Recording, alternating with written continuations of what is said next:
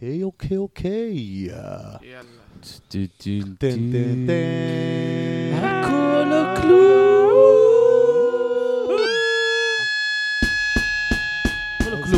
הכל או כלום. הכל או כלום. פודקאסט שמדבר על הכל ועל כלום.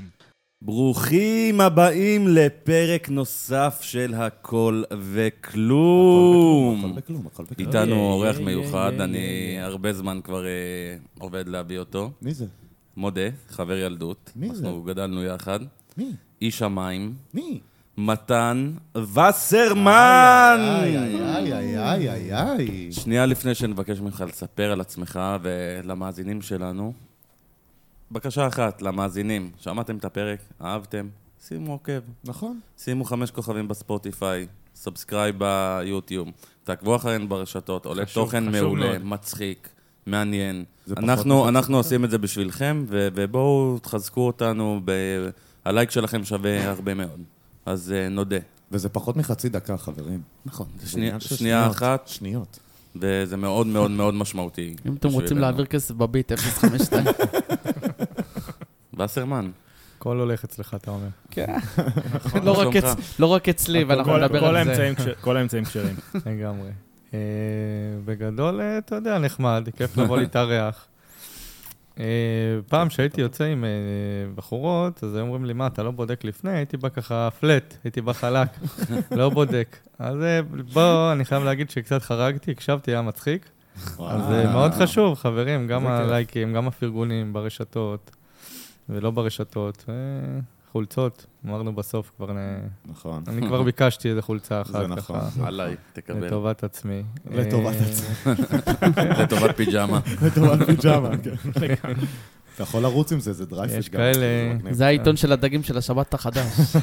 לגמרי. יש כאלה, אה, עסקתי on and off, משתנה בתחום הפוליטי גם, אז תמיד היו מבקשים לי את החולצות, ככה היו הולכים לרוץ אה, ג'וגינג. נכון. זאת אומרת, פחות ייקחו רק את המעמדים שהם מנצחים.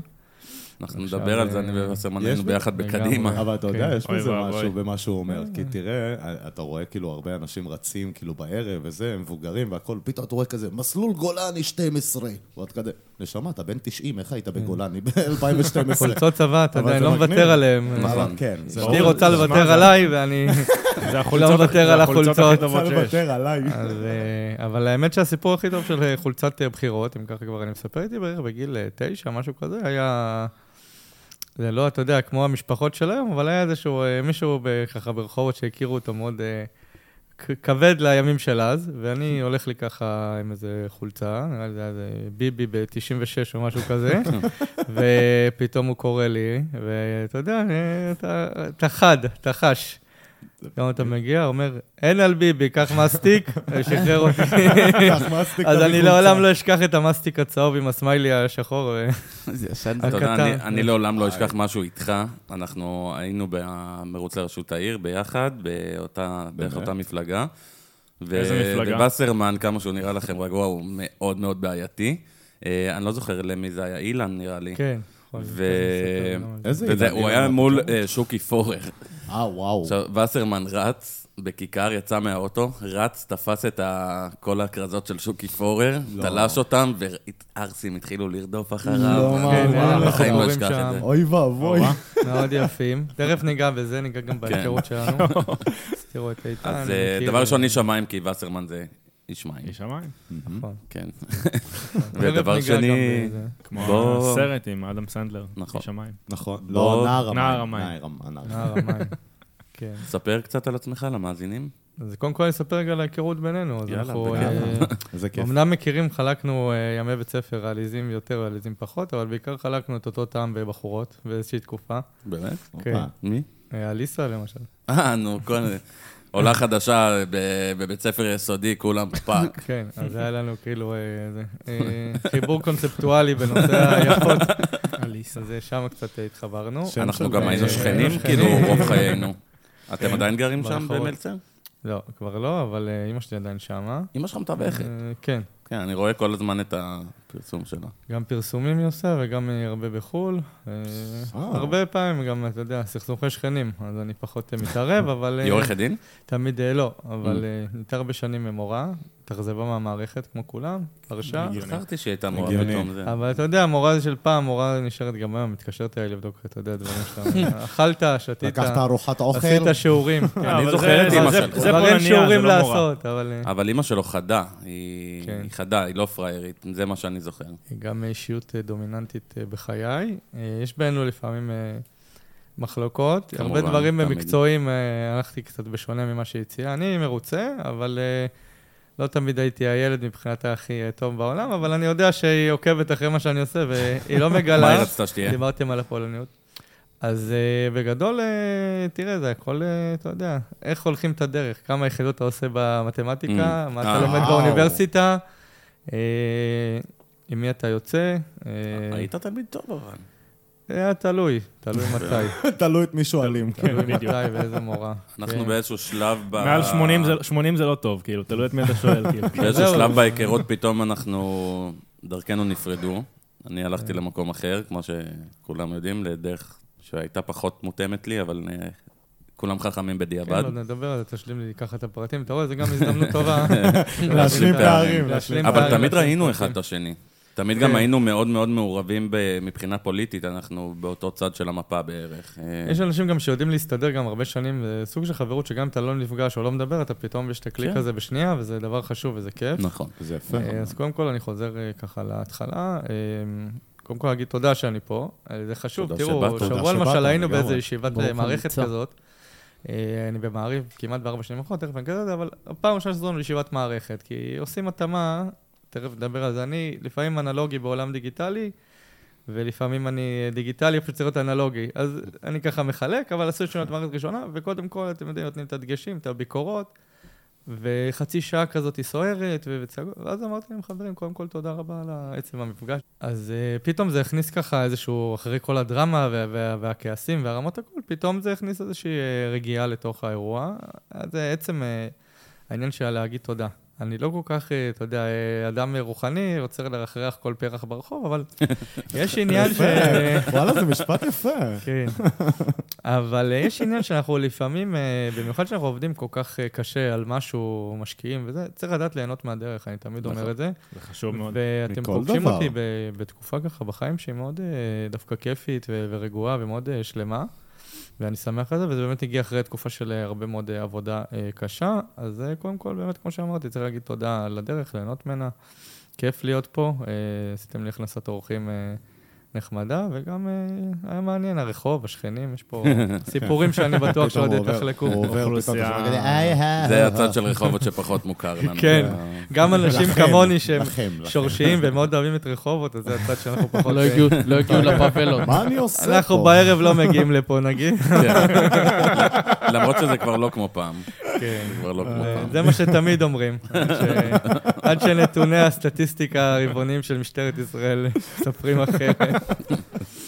אה, אז אם אני קצת אחזור לביו של אה, עצמי, קודם כל אני מזדקן נורא מהר, תקשיבו, זה משהו, אני לא האמנתי, הייתי...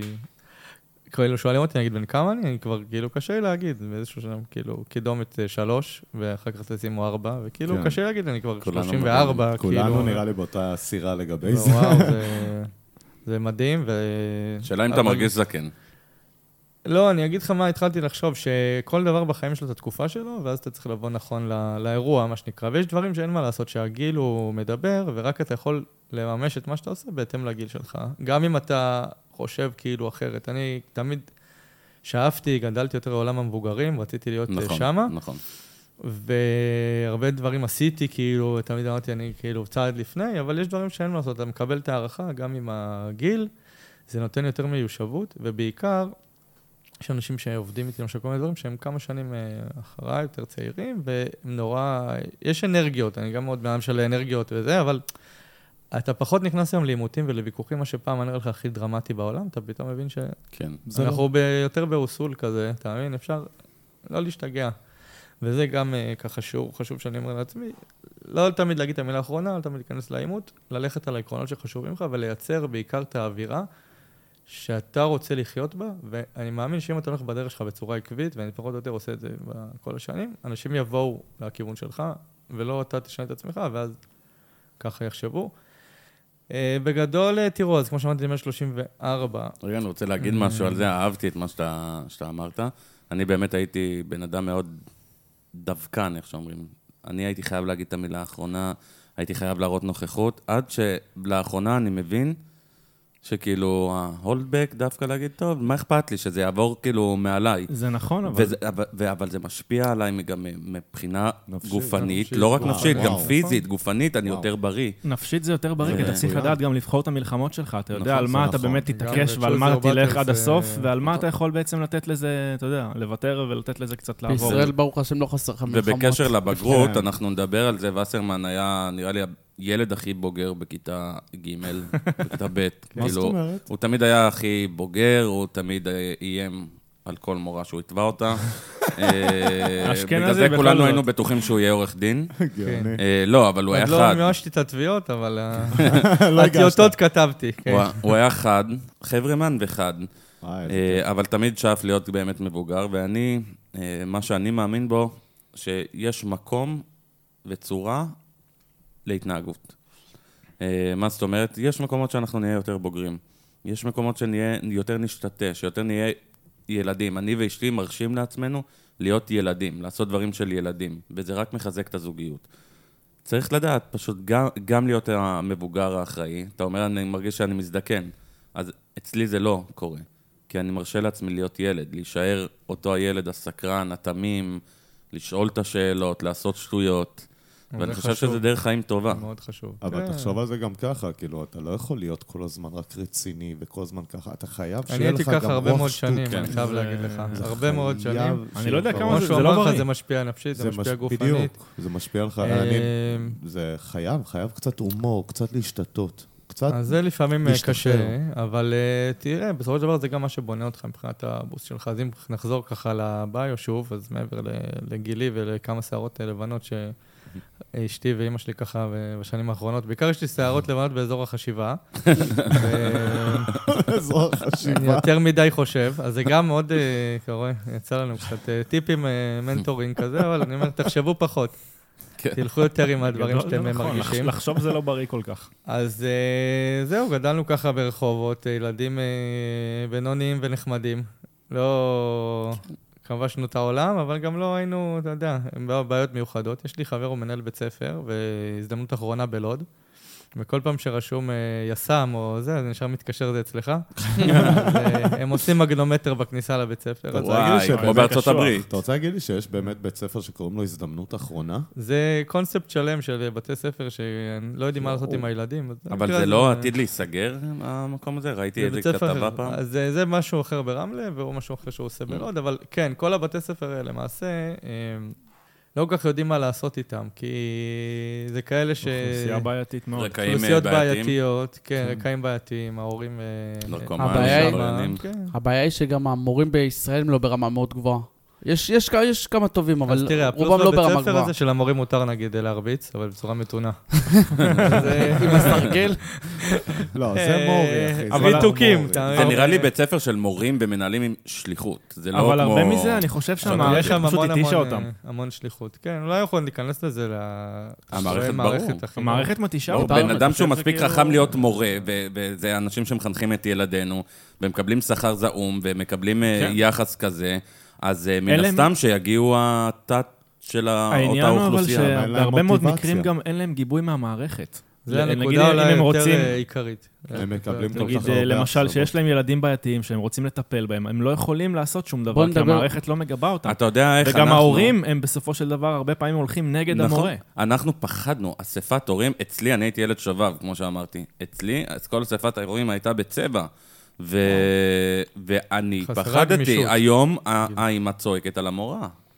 חסרה גמישות. במערכת, אה, לא יודעים להכיל. אז תראה, אנחנו לא היינו ילדים של בעיות התנהגות, אבל כמו שהוא אמר לך, אני הרגשתי גם בגלל סיבות החיים שלי, וזה, התבגרתי נורא מהר. ראיתי את המערכת אחרת. אה, לימדו אותי שיעור שהתחלתי במקומון, יום אחרי שהייתי בצנחנים.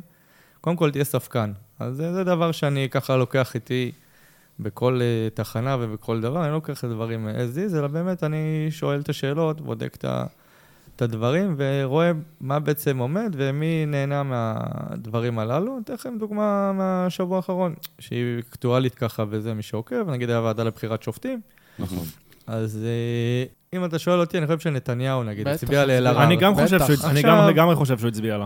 לגמרי, זה עכשיו- תרגיל. הוא עושה כאילו מול הבייס שלו אמירה מסוימת של אני איתכם, של זה לא מתאים לי, אבל היום אה, אה, נתניהו מעסיק אותו, המשפט שלו מעסיק אותו, הוא רוצה. להביא הסכם אתה לא שלום מול סעודיה, היה... והוא מבין מה המשמעות תהיה של ללכת אה, לצד הנגדי. חשוב לו מאוד, הוא יודע שהאמריקאים בסופו של דבר הם הקובעים פה, נכון. והוא מתגמש והוא מתפשר, אבל הוא כן צריך להראות אה, איסורי אה, מצפון ודרך מול אה, הקהל בסופו של דבר שבוחר אותו. וזה הדבר העיקרי, שקודם כל תדעו, מה שכתוב, ב, אני אומר, בא מהתחום הזה, מהעיתון, הוא לא תמיד הדבר הנכון, וגם באופן כללי, מה שאומרים לך במהדורה, קודם כל תהיה ספקן, תחשוב, תאתגר את המערכות. דיברנו. מקודם ככה, לפני, על משהו אחר, שאני חובב ספורט גדול, יש לי קבוצה בכל מדינה. קבוצה בכל ו- מדינה? כן, וואו. מי בישראל? ומכבי חיפה. לא, חיפה דווקא? אתה בצד הנכון. ותדע, זה לא, קשה, יש לי לא. משפחה שכולה מכבי תל אביב. תראה, תראה איזה כל חיוך הכבוד, אתה העלית בצד לו. הנכון. כן, אה, אבל אני. מבחינתי, אבל אתה יודע, הספורט בארץ הוא סוגיה, אפשר לעשות על זה פרק, אבל אתה יודע, אני למשל יותר אין פתוח ספורט כזה, אני. אומר, אה, לא אכפת לי שחיפה יהיו חיפה, וכאילו מכבי תל אביב יהיו מכבי לצורך העניין, ויש כאלה שזה מבחינתם חילול הקודש, והם לא יכולים לשמוע את הביטוי הזה.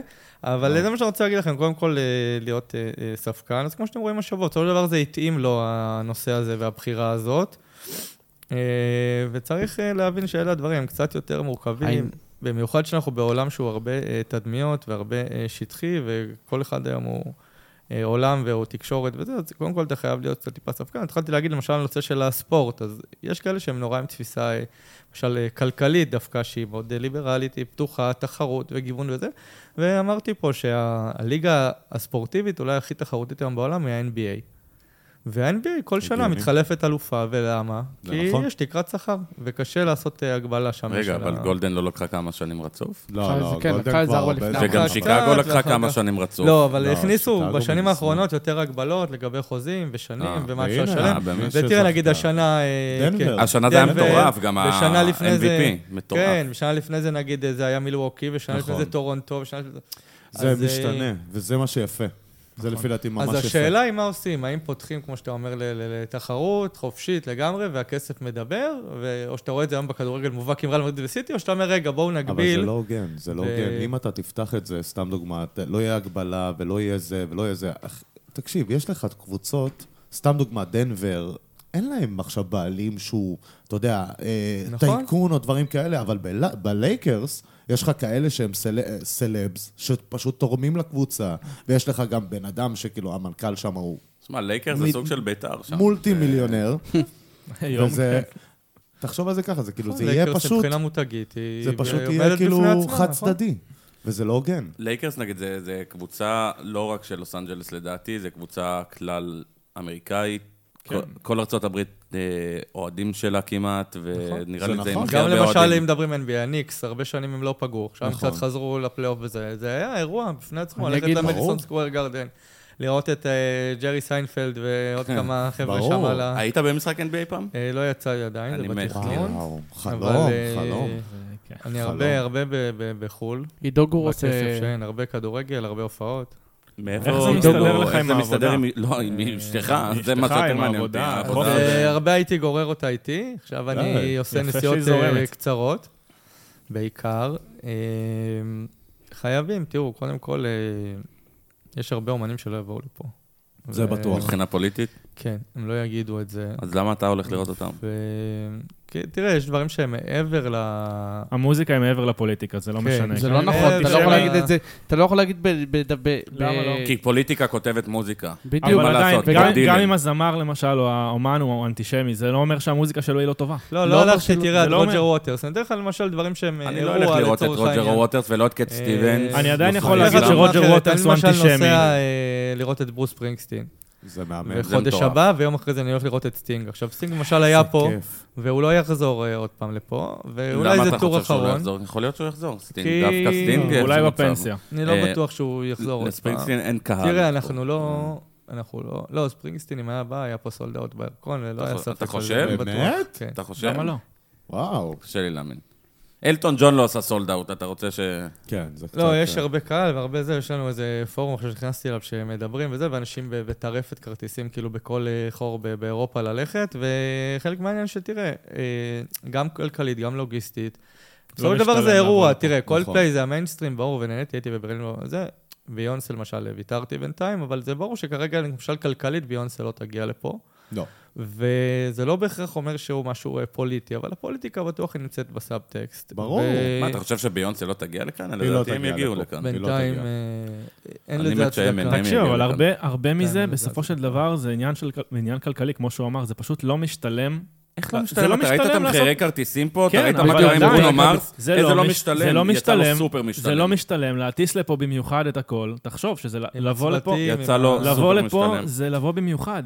ישראל זה זה לא הופעות חלק פרישה מטור. בדרך כלל של אנשים. חלק מאולי זה נכון. מה שהיום מדברים על הסכמי אברהם, שיפתחו, שאולי יהיה פה איזה ציר של אה, הופעות בדובאי, זה אבו דאבי. אה, תל אביב. אה, כי תחשוב שכרגע אמן שהוא במיינסטרים, שהוא ממש הולך לו ועושה הופעות וסולוטים והכל, אבל בדרך כלל זה חלק מטור. הוא עושה טור, נגיד, מגיע לאירופה, אז הם מביאים, לא יודע, אבל- אוטובוס או אבל הם הרבה משאית, פעמים ומשאיות, והם- זה משאית, עוברים מעיר לעיר לעיר לעיר. משאיות, אני מבין, אבל... ולפה כן, זה אני לבוא במיוחד. ההטסות, וזה אני מבין את לשלוח, ו- הלוגיסטיקה הקשה, אני מבין את זה, אבל תראו, בסופו של יום זה יושבת שם גם... מאחורה, זה ברור, אבל זה יש הרבה בטוח. גם אה, לוגיסטיקה, אבל תראה, אני אומר, אתה עושה שיקולים, ומעבר לזה, החיים פה במדינה כל כך אה, לחוצים, כל כך אה, תובעניים, כל כן. זה, שאתה חייב, לברוח. אני מעדיף, כן. ו- אבל מי מי השותף אבל יש כל כך לפשע, מי הולך הרבה איתך? פלוסים, אז כל פעם אני גורר איתי איזה חבר אחר. חשבת כזה, כיף. חשבת לעשות כמו אלעד גרין- אלעד גרינפילד מערוץ 2, לעבור כאילו לחו"ל ולהיות כתב בחו"ל? כתב של ישראלי בחו"ל? אמא שלך תרצח אותך. הציעו לי... אתה לא אה, עולה למטוס. גם הצעות כאלה, גם אגב אה, בשירות החוץ, כל מיני אפשרויות. אה, אבל אתה יודע, קודם כל, אני, כמו שאמרנו, שהחיים פה הם מורכבים, החיים פה הם טובים, החיים פה הם יפים. אני למשל יכול להגיד לכם שבמסגרת העבודה שלי, אז הייתי המון במזרח אירופה בשנה ומשהו האחרונות. היית באוקראינה. הייתי בקייב, הייתי וואו, בריגה, והייתי יפה. בקרקו, והייתי ב... עכשיו ב... בווילנה, וקודם כל אתה רואה. קצת, אה, כן, אה, חיים אה, אחרים, רמה אחרת, וצריך לזכור, חבר'ה, כאילו, אנחנו 70 שנה פה, יש הרבה תקלות, אבל יש הרבה טוב. כן, אבל זה מעבר לתקלות, ו- זה ים שחיתות יש לך פה. ו- אבל אתה- זה אתה- בכל מת- מקום. מתישהו אתה תעבור את. הרודנות. אתה יודע מה הבעיה של הישראלים? שהם הולכים לקלפי, הם בוחרים לפי הביטחוני, למרות שאין לנו פה באמת בעיות ביטחוניות, כי אף אחד לא... כל המדינות בריבים עם זה עצמם, ביטחוני. אה, ויש- והם לא בוחרים לפי הכיס שלהם, אתה מבין? לא, הם זה- לא בוחרים לא לפי הכיס, לא לפי כלום. כן, אבל ואני אגיד לך זה- עם כל הכבוד, הם- הם לא בוחרים גם מידע, אין להם מושג למה. הם בוחרים, אין. ואין להם אה, אג'נדות מסוימות. הם פשוט בוחרים כי זה מה שההורים גם שלהם מפז- וההורים שלהם בוחרים כי זה מה שההורים כן, שלהם יש- בוחרים. יש. הצבעה שבטית, אבל יש תהליך כללי שהוא מאוד פרסונליזציה של אה, הפוליטיקה. זה לא רק משהו שהוא שייך אה, לישראל.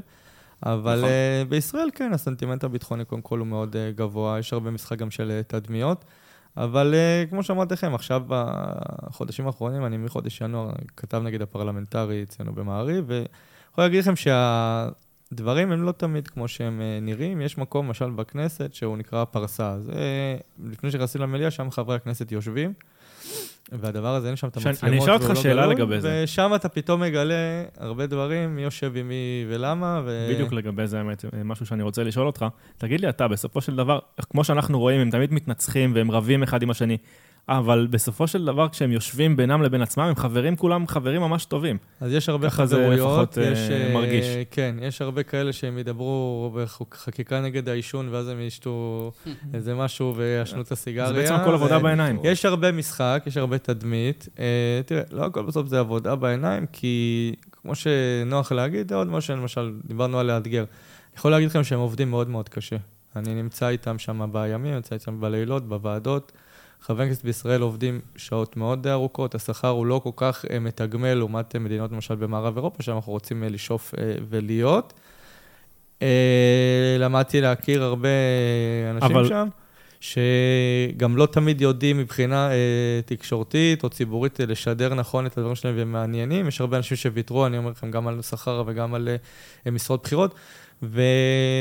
ואני כל החיים עבדתי, והשאיפה שלי היא תמיד ציבורית, הנטייה שלי ציבורית, העבודה שלי ציבורית, ואני אומר, אחותי נגיד היא עורכת דין אה, ככה שפיצית, מייקרוסופט וזה, פעם היה לזה עסקה אה, גדולה, שהם מכרו בניינים בבורסה, אז אני תמיד אומר, יש מספיק אנשים שימכרו אה, את הבורסה, אין מספיק אנשים שיכניסו נשמה לתוך הדבר, ואני אומר לכם שבדרך כלל יש משחק של תדמית. הרבה פעמים החברי כנסת חושבים שמה שיתפוס להם את התקשורת, זה מה ששווה להם להגיד.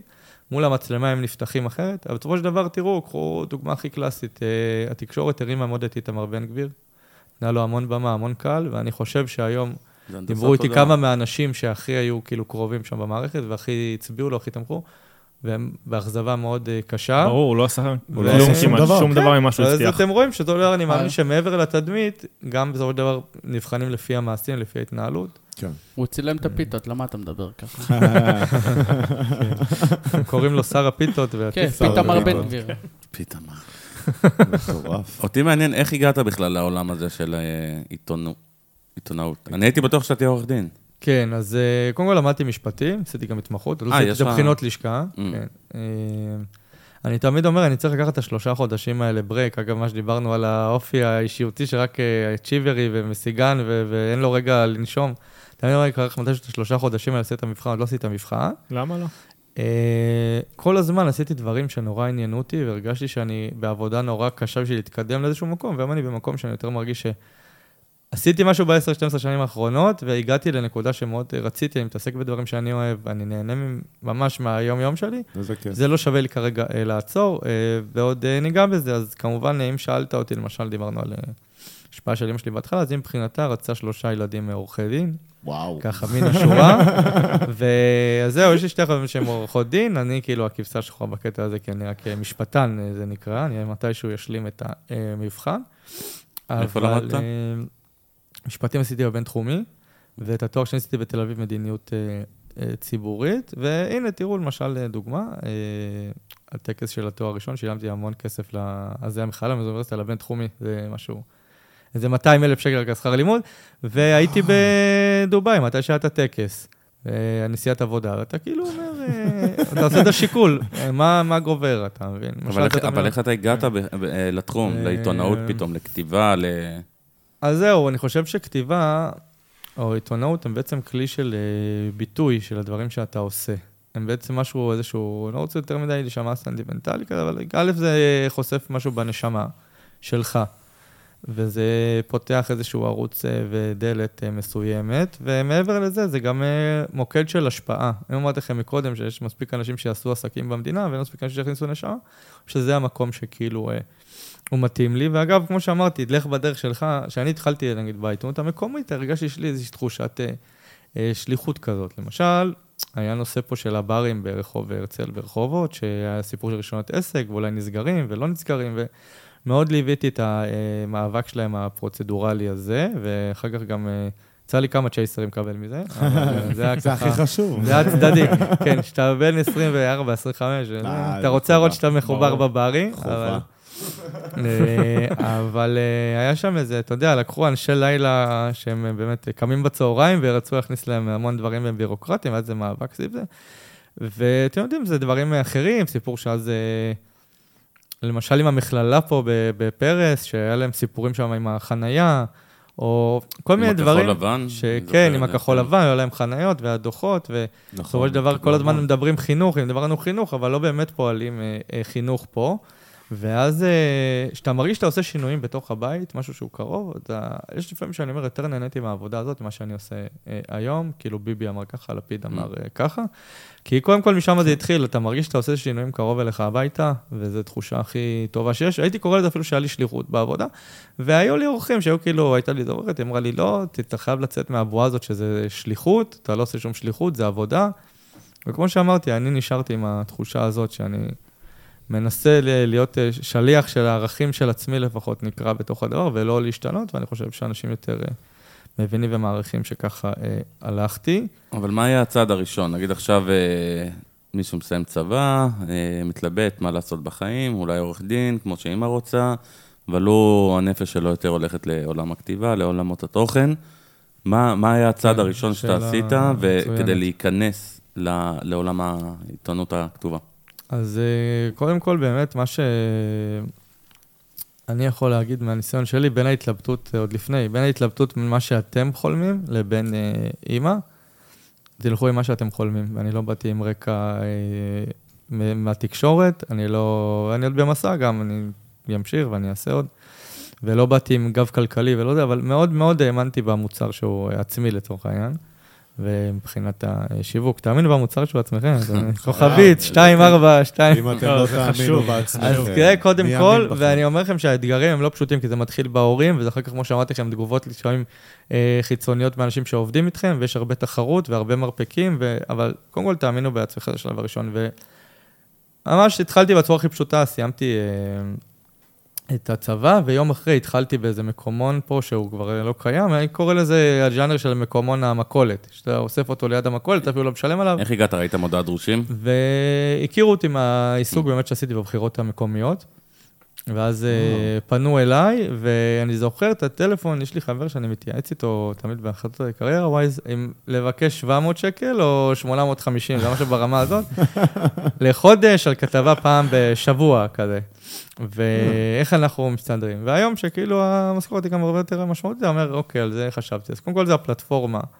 ותיצרו ותעשו, כי אתם לא יודעים לאן זה ייקח אתכם. אה, אבל אתה יושב פעם ראשונה, אתה צריך לעשות איזושהי כתבה, איזשהו סיפור, ואז אתה אומר, אוקיי, מה עכשיו? מה אני עושה? הרבה אנשים, תראו, רואים אותי כאילו ופונים ו- ושומעים אותי אה, ב- ברדיו, רואים בטלוויזיה, רואים את ה... אני פחות עושה פייסבוק, אני אגע בזה גם, אבל אה, אומרים לי, אני רוצה לכתוב. אני אומר להם, מעולה, ת- תשלח לי, ושם זה נעצר. ויכול להיות שעסוקים ויכול להיות שאין זמן, אז קודם כל לפרוץ, להעז, ללכת, להגשים, באמת כמה שזה נשמע הכי כאילו בנאלי וזה. לא לפחד מהדברים, לא להיות האויב הזה של עצמנו, איך יהיה ומה יהיה, פשוט קודם כל לצאת החוצה. אז מזה התחלתי, ואני אומר לכם שתוך בערך אה, אה, חודש אה, פנו אליי כבר מכלי תקשורת יותר גדול, זה המקום של ידיעות והכל, ואמרו לי, אם זה מעניין, גם יש לך יתרון שאתה צעיר, אתה יכול לקבל מעט שכר, ונותנים לך את ההזדמנות, כי זה כן. מאוד עסק אה, כלכלי לא מרוויח וזה. ומה שאז אה, ליווה אותי, בגלל שלא למדתי את זה, לא הגעתי, אמרתי, כמו שאני אומר לכם, על האישיות, אני רוצה לספר את הסיפורים של עצמי. אז הסיפור הראשון שלי, לצורך העניין, היה, אה, לקחתי משהו מהצבא שזכרתי. אה, היה איתי איזשהו בחור שהוא היה ממפוני אה, גוש קטיף, ואיזה יום היינו בסיור ככה ב... ליד הגדר בעזה, ופתאום עצרנו, איזה קצין, הוא יוצא החוצה, והוא, אה, יש שם חוף כזה כמו חוף, לא זוכר אם זה היה אזור זיכרון שכזה, ואז הוא לוקח איזה כמה צדפים ו- וכמה גרגירי חול, ואוסף את זה, ולא הבנתי בדיוק מה, ואז הוא אומר לי, תשמע, זה הזכיר לי את, ה- את הימים של הגוש, זה... פתאום היה איזה רגע אה, רגשי כזה. וגם היה לנו תחביב וספורט כמובן, אז כדורסל, כן. ודיברנו, והם היו, היה להם קבוצת כדורסל לייצור אה, גוש קטיף. וכן, ואחרי שהקבוצה עוד נסגרה, זה הפך להיות אליצור יד אה, בנימין, משהו כזה. ואיך התגלגלתי לזה, הוא היה מורה באיזה בית ספר, ודיברנו, ואז אה, הוא אומר לי, אמרתי לו, אתה לא מבין איזה יופי, כאילו, איך הספורט הוא בעצם אה, תרופה לפעמים, או משהו פסיכולוגי וזה, ואז כבר אתה יוצר את הסיפור. זאת אומרת, הלכתי לאימון כדורסל שלהם, הביאו, אמרתי להם, תביאו קצת דגלי ישראל, תביאו תמונות של הבית, מפעם כזה, ממוסגר וזה, סרטים כתומים, עשינו תמונה, ואתה פותח עם שישי בעיתון, אתה רואה כתבת שער, וזה היה מבחינתי וואו, יפה. איזה זה. יופי. וזה היה. סיפור כאילו מיוחד, איך הספורט הוא תרפיה לאחרי הימים של הפינוי אה, מה- מהגוש, ואיך הדבר ששמר להם את הקהילה, זה כאילו אותה קבוצת כדורסל שהייתה אירוע שם והפכה להיות אירוע פה. אה, זה. ואז אותו, אחד מהאורחים שם תפס ואמר לי, השיעור ראשון בעיתונות אה, תהיה באמת ספקן לגבי דברים.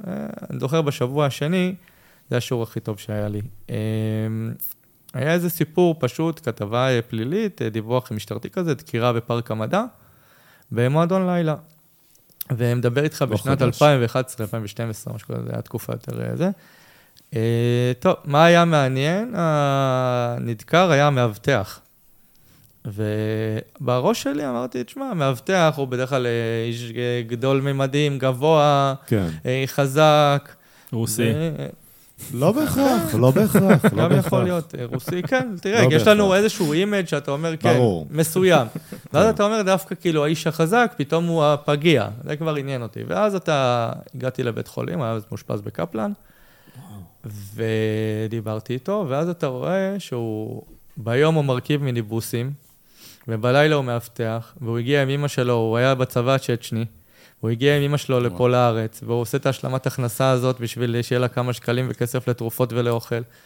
ואתה פתאום מבין שיש כאילו סיפור מאחורי אנשים, ואתה רואה את ה... צילמנו אותו כאילו בבית חולים, ואז אתה רואה בדיוק האיש החזק, כי זה הרבה התמונות, מה שאנחנו רואים, האימג'ים. האיש החזק, פתאום במקום הפגיע, וזה שחייבתי שהוא המאבטח הבריון, שאולי זורק אותך מהמועדון, לא מכניס אותך, הוא רב איתך, הוא בכלל הילד של האימא החד-הורית, שהגיעו מצ'צ'ניה חסרי כל, והוא עובד והשלים הכנסה בלילה במועדון בערב. ומה היה יפה אחר כך? שקיבלתי טלפון, אז אה, הייתה אה, ראש לשכתו של אה, ראש העיר, מסתבר שהבן שלה היה אחד המעורבים. אתה לא מכיר אותי, אתה לא יודע מי אני, אתה וואו. גמרת פה ב- בעיתונות, אוי ואבוי לך. ו... וזה דבר שאתה כאילו אומר, אוקיי, יש אירוע, והשאלה לאן הולכים, האם אתה, זה מרתיע אותך, או שאתה לא מרתיע אותך, ואתה אומר שזאת, אמרתי לכם בשליחות, אתה רוצה לדבר בשליחות, זה החשיבות של מה שאתה עושה. אז כמו שהוא דיבר למשל זה, היה תקופה שאחותי נולדה מיכאלת פרס, והייתי נכנס בהם על כל מיני דברים. אחד הדברים, למשל, הם הזמינו פה את אה, קלינטון, ועשו מסיבת יחסי ציבור ענקית סביב זה. אתה שונא את קלינטון מאז שהיית ילד. באמת, זה- מדהים. זה אגב הסיפור של את ביל או את הילרי? התדמיות, את ביל. זה הסיפור של תדמיות, הוא היה ואמרו צורח, מוניקה לוינסקי. שחצי מיליון שקל, זה בגלל המורה למתמטיקה, איזה השמאלות. אבל, אה, איזה אקזיט, סתם מוניקה לוינסקי. אז אה, בכל מקרה, הבטיחו. איזה חצי מיליון שקל, כאילו, של אה, מלגות לסטודנטים, עד היום הכסף הזה לא הגיע, ולא היו מלגות ולא שום דבר, אבל היה איזה PR מאוד אה, רציני סביב זה. ואז באמת אמא שלי ניגשה אליי ואומרת לי, תקשיב, היא לומדת במכללה וזה, זה לא, לא לעניין. אחר כך היה איזה סיפור שם עם ה... משהו עם החניות, אמרתי לה, תקשיב, אם אני לא אעשה את הדברים האלה, אף אחד לא. אני אף לא אחד לא. שווה. אוקיי. אני אה. לא שווה. אז אני חייב לעשות את הדברים האלה, ולדבר את הקולות האלה, לקחת את הסטודנטים האלה, את המאבטחים האלה, את ה... כמו שאמרתי לכם, החבר'ה האלה שמבחינתם זה היה כואב, וצלקת של הפינוי אז מה- מהגוש וכולי. קיבלת איומים חושב. פעם? וואי, איומים ממש על. חייך? לא על חיי, אבל תראו, אה, קודם כל הרבה יש, אני אתבע, אני צועק, אני זה, אז אני למדתי גם, למדתי להיות חסין מה, מהצעקות, כי כשאנשים שואלים אותי מה העצה כאילו הכי טובה, אני אומר, תמיד תסתכל על האינטרס של הבן אדם שמולך.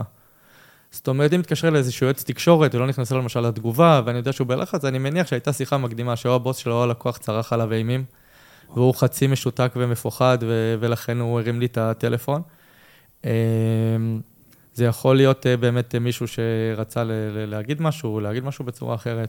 אה, אז בדרך כלל אני אומר, אם פנו אליך, אם כועסים, אם זה, זה, זה שלהם. יש הרבה פעמים קטע של פגיעות, של תחרות, שמנסים לפגוע בך. באמת זה השיעורים הכי טובים, הייתי עובד עם אנשים מסוימים, אז היו מדברים עם, איתם בשביל שלא יעבדו איתי, וכל הזמן כאילו הדברים האלה מתחדדים, ואתה אומר, קודם כל, אתה הלך, כמו שאמרתי לכם, בדרך שלך, והדברים אה, יתיישרו. אז יש אה, איומים, ויש אה, איומים בתביעות, וכל הזמן מנסים כאילו להחניף, לתת את השמות של בעלי הבית או של האורחים, ולעשות... גם לפעמים עליות סחבק כזה, שכאילו אני מכיר את ההוא שלך, ואני מכיר את הזה שלך, וכאילו לנסות לקרב. זה גם משהו שאני באופן אישי אה, לא אוהב ולא אה, מקבל אותו, ויש לפעמים תחושות אה, לא נעימות. בעבר הייתי יותר סגור, היום אני יודע להגיד להם, תקשיבו, זה לא הכיוון, זה לא מתאים. עמדתי לנתק יותר טלפון היום גם שצריך. כי... אתה גם מנתק חלק. מהרגש, מהפגיעות. אתה חייב, אתה כן, חייב, אתה חייב. עם השנים. אתה מתחספס, במיוחד אמרתי לכם בנושאים האלה, שזה עולם מאוד אינטרסנטי ומאוד ציני, ואגב זה גם הפוך, זאת אומרת, אם אתה תדע לתת להם מענה לנושא שלהם, הם לא יגיעו לפעמים למצב של הפגיעה, של האיום, של התביעה, של זה. אתה יכול להגיד לו, אוקיי, הנושא הזה לא טופל, בוא נחשוב בצורה אחרת, נייצר משהו שאתה יכול אה, להיות אה, אה, שלם איתו, וזה הרבה יחסים של... אה, בסופו של דבר give and take, אנשים אה, לא מדברים על זה, אבל אה, אתה מדבר על זה ש... בכל מקום. אתה מדבר על זה שאחותך למדה בפרס, ואימא שלך אמרה לך, לא- כאילו, לא לעשות את זה.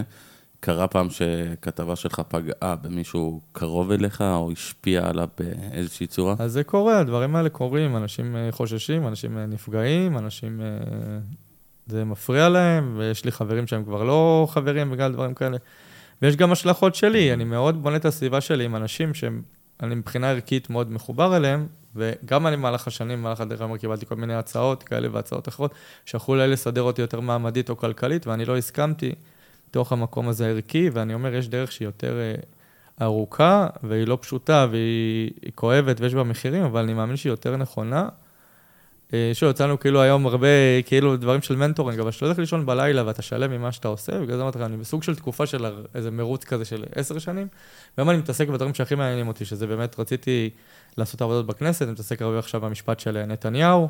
יש לי המון במות, למשל שאני המון ברדיו, המון בטלוויזיה מופיע, ואני לא עושה רשתות בכלל, נגיד. תכף ניגע בזה. טוויטר? וכאלה, אתה? נגיד, לא נמצא העובדה שם? היא, לא, בכלל לא. ואני יכול להגיד לכם שהנה, העובדה היא, אה, הנה, כמו שאיתן ידע לפנות אליי, יודעים להגיע אליי מכל המקומות. זאת אומרת, יכול להיות ששמעו אותך פעם אחת והיית טוב, יכול להיות שהשם שלך הוא טוב בתוך ה... אבל זה אה, יכולה להיות לך. אה, בעולם של ימינו, זה יכול להיות מקפצה גם שסרטון אחד יביא אותך ל- לפריים טיים. לא רק סרטונים, תראה, אבל אה, נגיד הטוויטר זאת פלטפורמה נורא חזקה, אני, אני רואה גם, יש המון עיתונאים והמון אנשי תקשורת שנמצאים. תראה, בטוויטר, למשל הטוויטר הוא עולם מאוד המון. אה, אה, ברנג'אי. אז קודם כל, יש שני דברים שכאילו אני חושב עליהם בתפיסה של העיתונות שלי. קודם כל, תמיד אני מדווח, אני לא מכניס את הדעות שלי, וזה אני מיעוט, כי עיקר האנשים, מה הם חושבים? חושבים שאם הם ייתנו את הפובליציסטיקה, את הדעה שלהם, הם יקבלו את הפלוסים שלהם, את המינוסים שלהם, יעצרו את הבאז שלהם. אני חושב שאנשים מספיק חכמים, פשוט לדווח להם מה היה, ולשפוט לבד, ולהחליט לבד. תכף נחזור לפוליטיקה, אני אגיד לך למה זה לא רק הצבעה שבטית, ואני כן חושב שהציבור, הוא יודע מה הוא עושה ולאן הוא מכוון, אבל אומר, קודם כל אני מדווח. והדבר השני, תראו, יש לי למשל אה, חברים, הם רבים בתוך הטוויטר, ואחד חוסם את השני. והיה איזה יום, שחבר עובד בדה מרקר, עובד בחדשות 12, רבו ביניהם אה, נורא, ואחד אה, ירד על השני, ואז בסוף הם חסמו, ואיזה יום באתי אליו, אמרתי לו, למה חסמת את החבר הזה? אני כבר לא זוכר, באתי לשני, למה חסמת? אני לא זוכר. אז כאילו, אז אמרתי, די. אז אני מעדיף כאילו להביא עוד איזשהו סיפור, עוד איזושהי אה, כתבה, עוד איזושהי חשיפה, במקום קודם כל לחיות בתוך העולם הזה של הטוויטר, לפחות בשלב הזה לא נשברתי עדיין. ומעבר לזה, אני גם אומר, כאילו, אה, אני לא רוצה להתעסק ב- אחד בתוך עצמו, בתוך הקהילתיות הזאת, כי אני שוב, אני רוצה לראות איך אני מדבר כל הזמן לאנשים שהם אה, אה, לא אנחנו, מה שנקרא, לא אני, לא, לא התעשייה הזאתי. וגם העניין של ביטוי, זאת אומרת, פעם הייתי רושם הרבה פוסטים בפייסבוק ומבטא, והיום שיש לי את הכלי תקשורת, את הפלטפורמה, וגם אני מאמין שהכלי נחשב אמין, גם אני עכשיו באופן יחסי כאילו אמין, אולי יחלקו עליי, אבל זה נותן לך פת, פתחון באמת לדברים שאתה אומר, להוציא את הנשמה, להוציא את הדיבור, להראות, כמו שאמרתי, שהדברים הם לא בדיוק כמו שמוצגים בכל מקום, ועל זה אני מאוד אה, שמח. אבל יש פה בעיה, בגלל שעם כל הכבוד, העיתונות הכתובה מתה. היא בגסיסה, היא בשלביה הסופיים. י- יפסיקו, ממש כאילו, הדור הבא יפסיק לצרוך אותה, נגמר. היום אנשים רוצים לצרוך עיתונאות מהירה, אה, בכמה שניות, באמת לא, בפחות מדקה, לקבל מידע על משהו מסוים, ו- והם לא עכשיו יתחילו לקרוא אה, כתבה, שלוש עמודים, זה די שלושה בעיה. עמודים אה, אה, בפונט אה, דיוויד אה, תשע. ואתה לא חושב שזה זה- בעייתי, כי זה פשוט מתכון להיגרר לקליק בייטים? לא, אתה חייב, זה אתה חייב, בעולם לי, הזה. אתה חייב זה להתקדם, בעייתי. ונגיד אנשים כמו וסרמן לדעתי, אה, לקחת את הידע שלו ואת יכולות הביטוי שלו, ולהיכנס נגיד לטיק טוק, ולהנגיש את הכנסת מהטיק טוק, ומה קרה בוועדה הזאת והזאת, זה אתה דווקא תעשה. עבודת שליחות, לגמרי. כי אתה תכניס את הצעירים בגישה הנכונה, ולא בגישת הדר מוכתר. אתה, אתה יכול, כן, אבל אתה יכול תראה, מאוד כמו שדיברנו להשפיע. על הציבור החכם, אתה רואה נגיד מדר מוכתר, שזה היה גימיק יפה, אבל הציבור גימיק לא... יפה, נכון, בדיוק. נהר אבל, בהמוניו אחרי כן, אבל אתה לא. אבל חייב להיות מצד- אבל גימיק. מצד אתה שני- נמצא אבל- בכנסת, נכון? אתה נמצא בוועדות, אתה נמצא במשפט נתניהו. אתה יכול לעשות כל יום מהטלפון סרטון להעלות, ואנשים יראו, אתה יכול לייצר את הקהל שלך, אתה יכול להנגיש את זה ליותר תראה, אנשים. השאלה אם לא מאכילים בסוף גם את המפלצת בצורה שאתה חייב לייצר איזה סנסציה או דרמה, או ללכת להיות אה, צהוב במקום שאתה לא רוצה להיות. אז אל תהיה. ו... אז אל תהיה, תהיה אתה. אז השאלה אם אתה מקליק, תראה, זו שאלה שאתה יודע, אני כל הזמן מתחבט בה עם עצמי, זו שאלה נכונה, אבל אני מדבר כרגע כמו שהוא נגע בזה, נכון, אז אני רוצה עומק. אני אומר, אתה שואל אותי לאן הולכת העיתונות למשל המודפסת, אני מעדיף את העיתון אצלנו, למשל האתר אצלנו, כי אני רוצה להיות יותר uh, עמוק. אני למשל כועס על עצמי שאין לי זמן לקרוא ספרים, למשל. אני רואה. כי ברגע שאני הפכתי להיות עולם של אינטרנט, כן. הפכתי להיות עולם של אקטואליה והכל פושים, מה שנקרא, אני נכון. לא, אין לי את המספיק, את העבודה העמוקה הזאת של למשל, לשבת היום, לעזוב הכל, לקרוא ספר, לא מספיק עושה את זה, ואני כי אני אומר לך למה, לדעתי העיתונות תלך למקום, תמיד יהיה מודפס, הוא הולך לדעתי להיות רק בסופי שבוע, ואני לא חושב שלעולם לא זה, כי בסופו של דבר, יש ערך ויש כוח למוצר שאתה נוגע בו, אנשים מחפשים עדיין את החוויה הזאת של הקפה והעיתון ביום אני לא שישי ויום שבת. לא, אני לא מסכים איתך, אני לא יקראו- מסכים איתך. אנשים קוראים. דרך אפליקציות, דרך נכון, אתר- באתר, אנשים קוראים באינטרנט, הכל אה, דיגיטלי. לא, אתם לא בקרוב חייבים גם להסכים. יקריאו תדעו, לך. גם אה, אחותי שהיא דואגת לפרנסה שלי אומרת לי, זהו, העיתונות מתה, יסגרו את הכל, ואני אומר, תמיד יהיה איזשהו... לא, העיתונות הכתובה מתה. לא, אני כן, לא חושב אני אני לא חושב שהיא מתה, אנשים עדיין יקראו את זה באופן דיגיטלי. לא אני בהכרח עדיין עיתון חושב מודפס. שישאר, אבל- גם אז אם אני זה יהיה שריד, אני אומר, אז אולי יעשו עיתון אה, סופה, שיעשו עיתון פעם בחודש, כמו שיש את המגזינים האיכותיים. אנשים עדיין רוצים טיפה ואתה להרגיש תלך אבל. רק, לשם?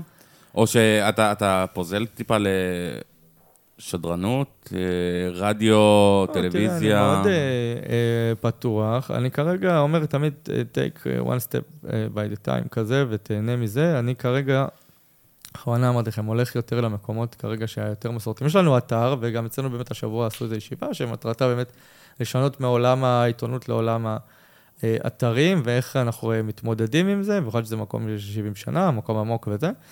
אבל uh, אני אמרתי לכם, בגלל זה אני יכול מאוד להיות, uh, אני מייעץ לאנשים למשל בתחומי הדיגיטל, אני יודע טוב מאוד את הטוויטר ואת הטיקטוק ואת הפייסבוק ואת האינסטגרם, אני עדיין מנסה לשמור ככה יותר uh, קו של הפעם, יותר מדווח, כמו שאמרתי, אנחנו גם באינטרנט, אבל יותר מדווח, פחות uh, צועק. אבל אה, לא אה, חייב ויותר, לצעוק. אה, אבל יש עניין של רלוונטיות. אתה כרגע צעיר, אתה מעניין, אתה יכול להעביר דברים בצורה עוצמתית, אתה רלוונטי. וזה הזמן להכות בברזל. תראה, למשל, משפט נתניהו זה נקודה אה, טובה. יש אה, אנשים שהם באמת בטוויטר, הם עשו מזה עולם ומלואו, אבל אחר כך אה, האמינות שם היא לא טובה. ואני, כרגע, לפחות בשלב הזה, אני אומר, כל עוד הקורץ עורך אותי, חושב שאני מעביר בצורה אמינה. ואיזה יום ראיתי, אני רואה את זה לפעמים בטוויטר שאני מוזכר, אז אומרים, הכתבים היחידים האמינים הם נגיד אה, מתן ועוד שניים. אז זה, זה הסיפוק שלי, כאילו, כן. הכי גדול לפחות בשלב הזה, ואני אומר, אני מפחד קצת להישאב לתוך הטוויטר כרגע, כי אני באמת רוצה להתמקד בעיקר, וזה להביא את העוד אה, דברים, ופחות לקחת, אה, לדעתי היה מיסקה, ממש כזה לפני שלושה שבועות, הוא אומר, די, אני עוזב את הטוויטר, הכל אה, צהוב, הכל רקוב, אנחנו כל היום רבים, ונורא התחברתי עם הגישה הזאת, ואמרתי, כל עוד אני... יכול שלא, אני אה, לא אהיה שם, בגלל אומר, אני עוד זן נדיר, אה, בסוף זה, זה יקרה, אבל כל עוד אני יכול לדבר דרך העיתון שלי ודרך האתר שלי, וזאת הפלטפורמה שלי.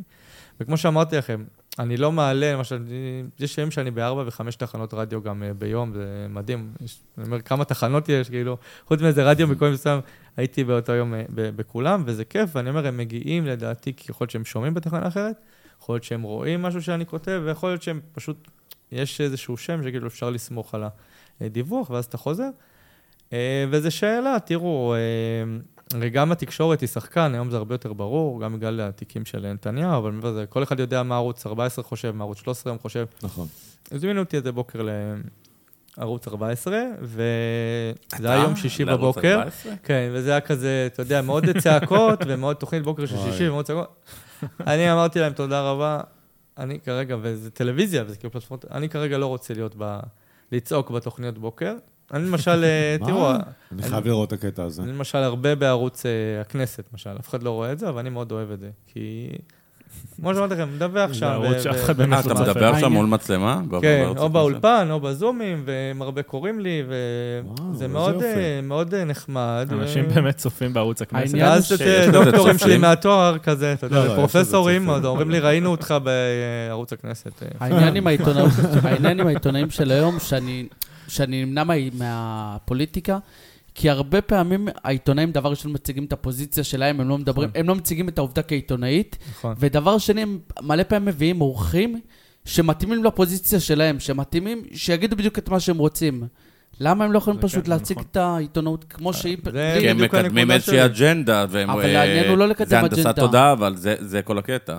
אבל תראה, זה המלחמה, ככל שיותר אנשים, על זה אני, אני רב איתם. כל הזמן אני אומר שהכותרות יתאימו לתוכן, שהדברים לא יצעקו, אלא ידברו, וידברו בצורה שהיא מה שהיה. ואני כן מאמין בחוכמה של הציבור, בכוח של הציבור, לצרוך את הדברים בצורה אתה טובה. אמרת, אתה אמרת שהציבור יודע למה, למ- כן. למי הוא מצביע. בוא, בוא תספר למה אתה חושב, כי אני ממש חושב להפך. אתה לא חושב אבל שהתקשורת היא סוג של באמת מהנדסת את התודעה של הציבור? הציבור לא כזה חכם. זה כן, לא, אני הציבור- אומר, קודם כל, התקשורת היא שחקן אה, מאוד אה, פעיל. עכשיו, תראו, אם בהתחלה חשבו, למשל, יש, אה, זה היה מאוד מובהק, כמו שעכשיו זה 14, ואז היה עיתון הארץ, אז אמרו, זה ימין, זה שמאל. נכון. חושב שחלק מהעניין של התיקים של נתניהו, שגם הבינו שאת האינטרסים הכלכליים, היצריים, והאגו מאחורה, ואתה רואה את זה למשל בתיק 2000, הרי אתה לא יודע לזהות אם ידיעות אחרונות, למשל, הוא לא הארץ, הוא גם לא אה, 14 או ישראל היום של עד לפני התקופה האחרונה, אבל עובדה שיש שם אינטרסים כלכליים, ויש שם אינטרסים פוליטיים, ויש שם אינטרסים...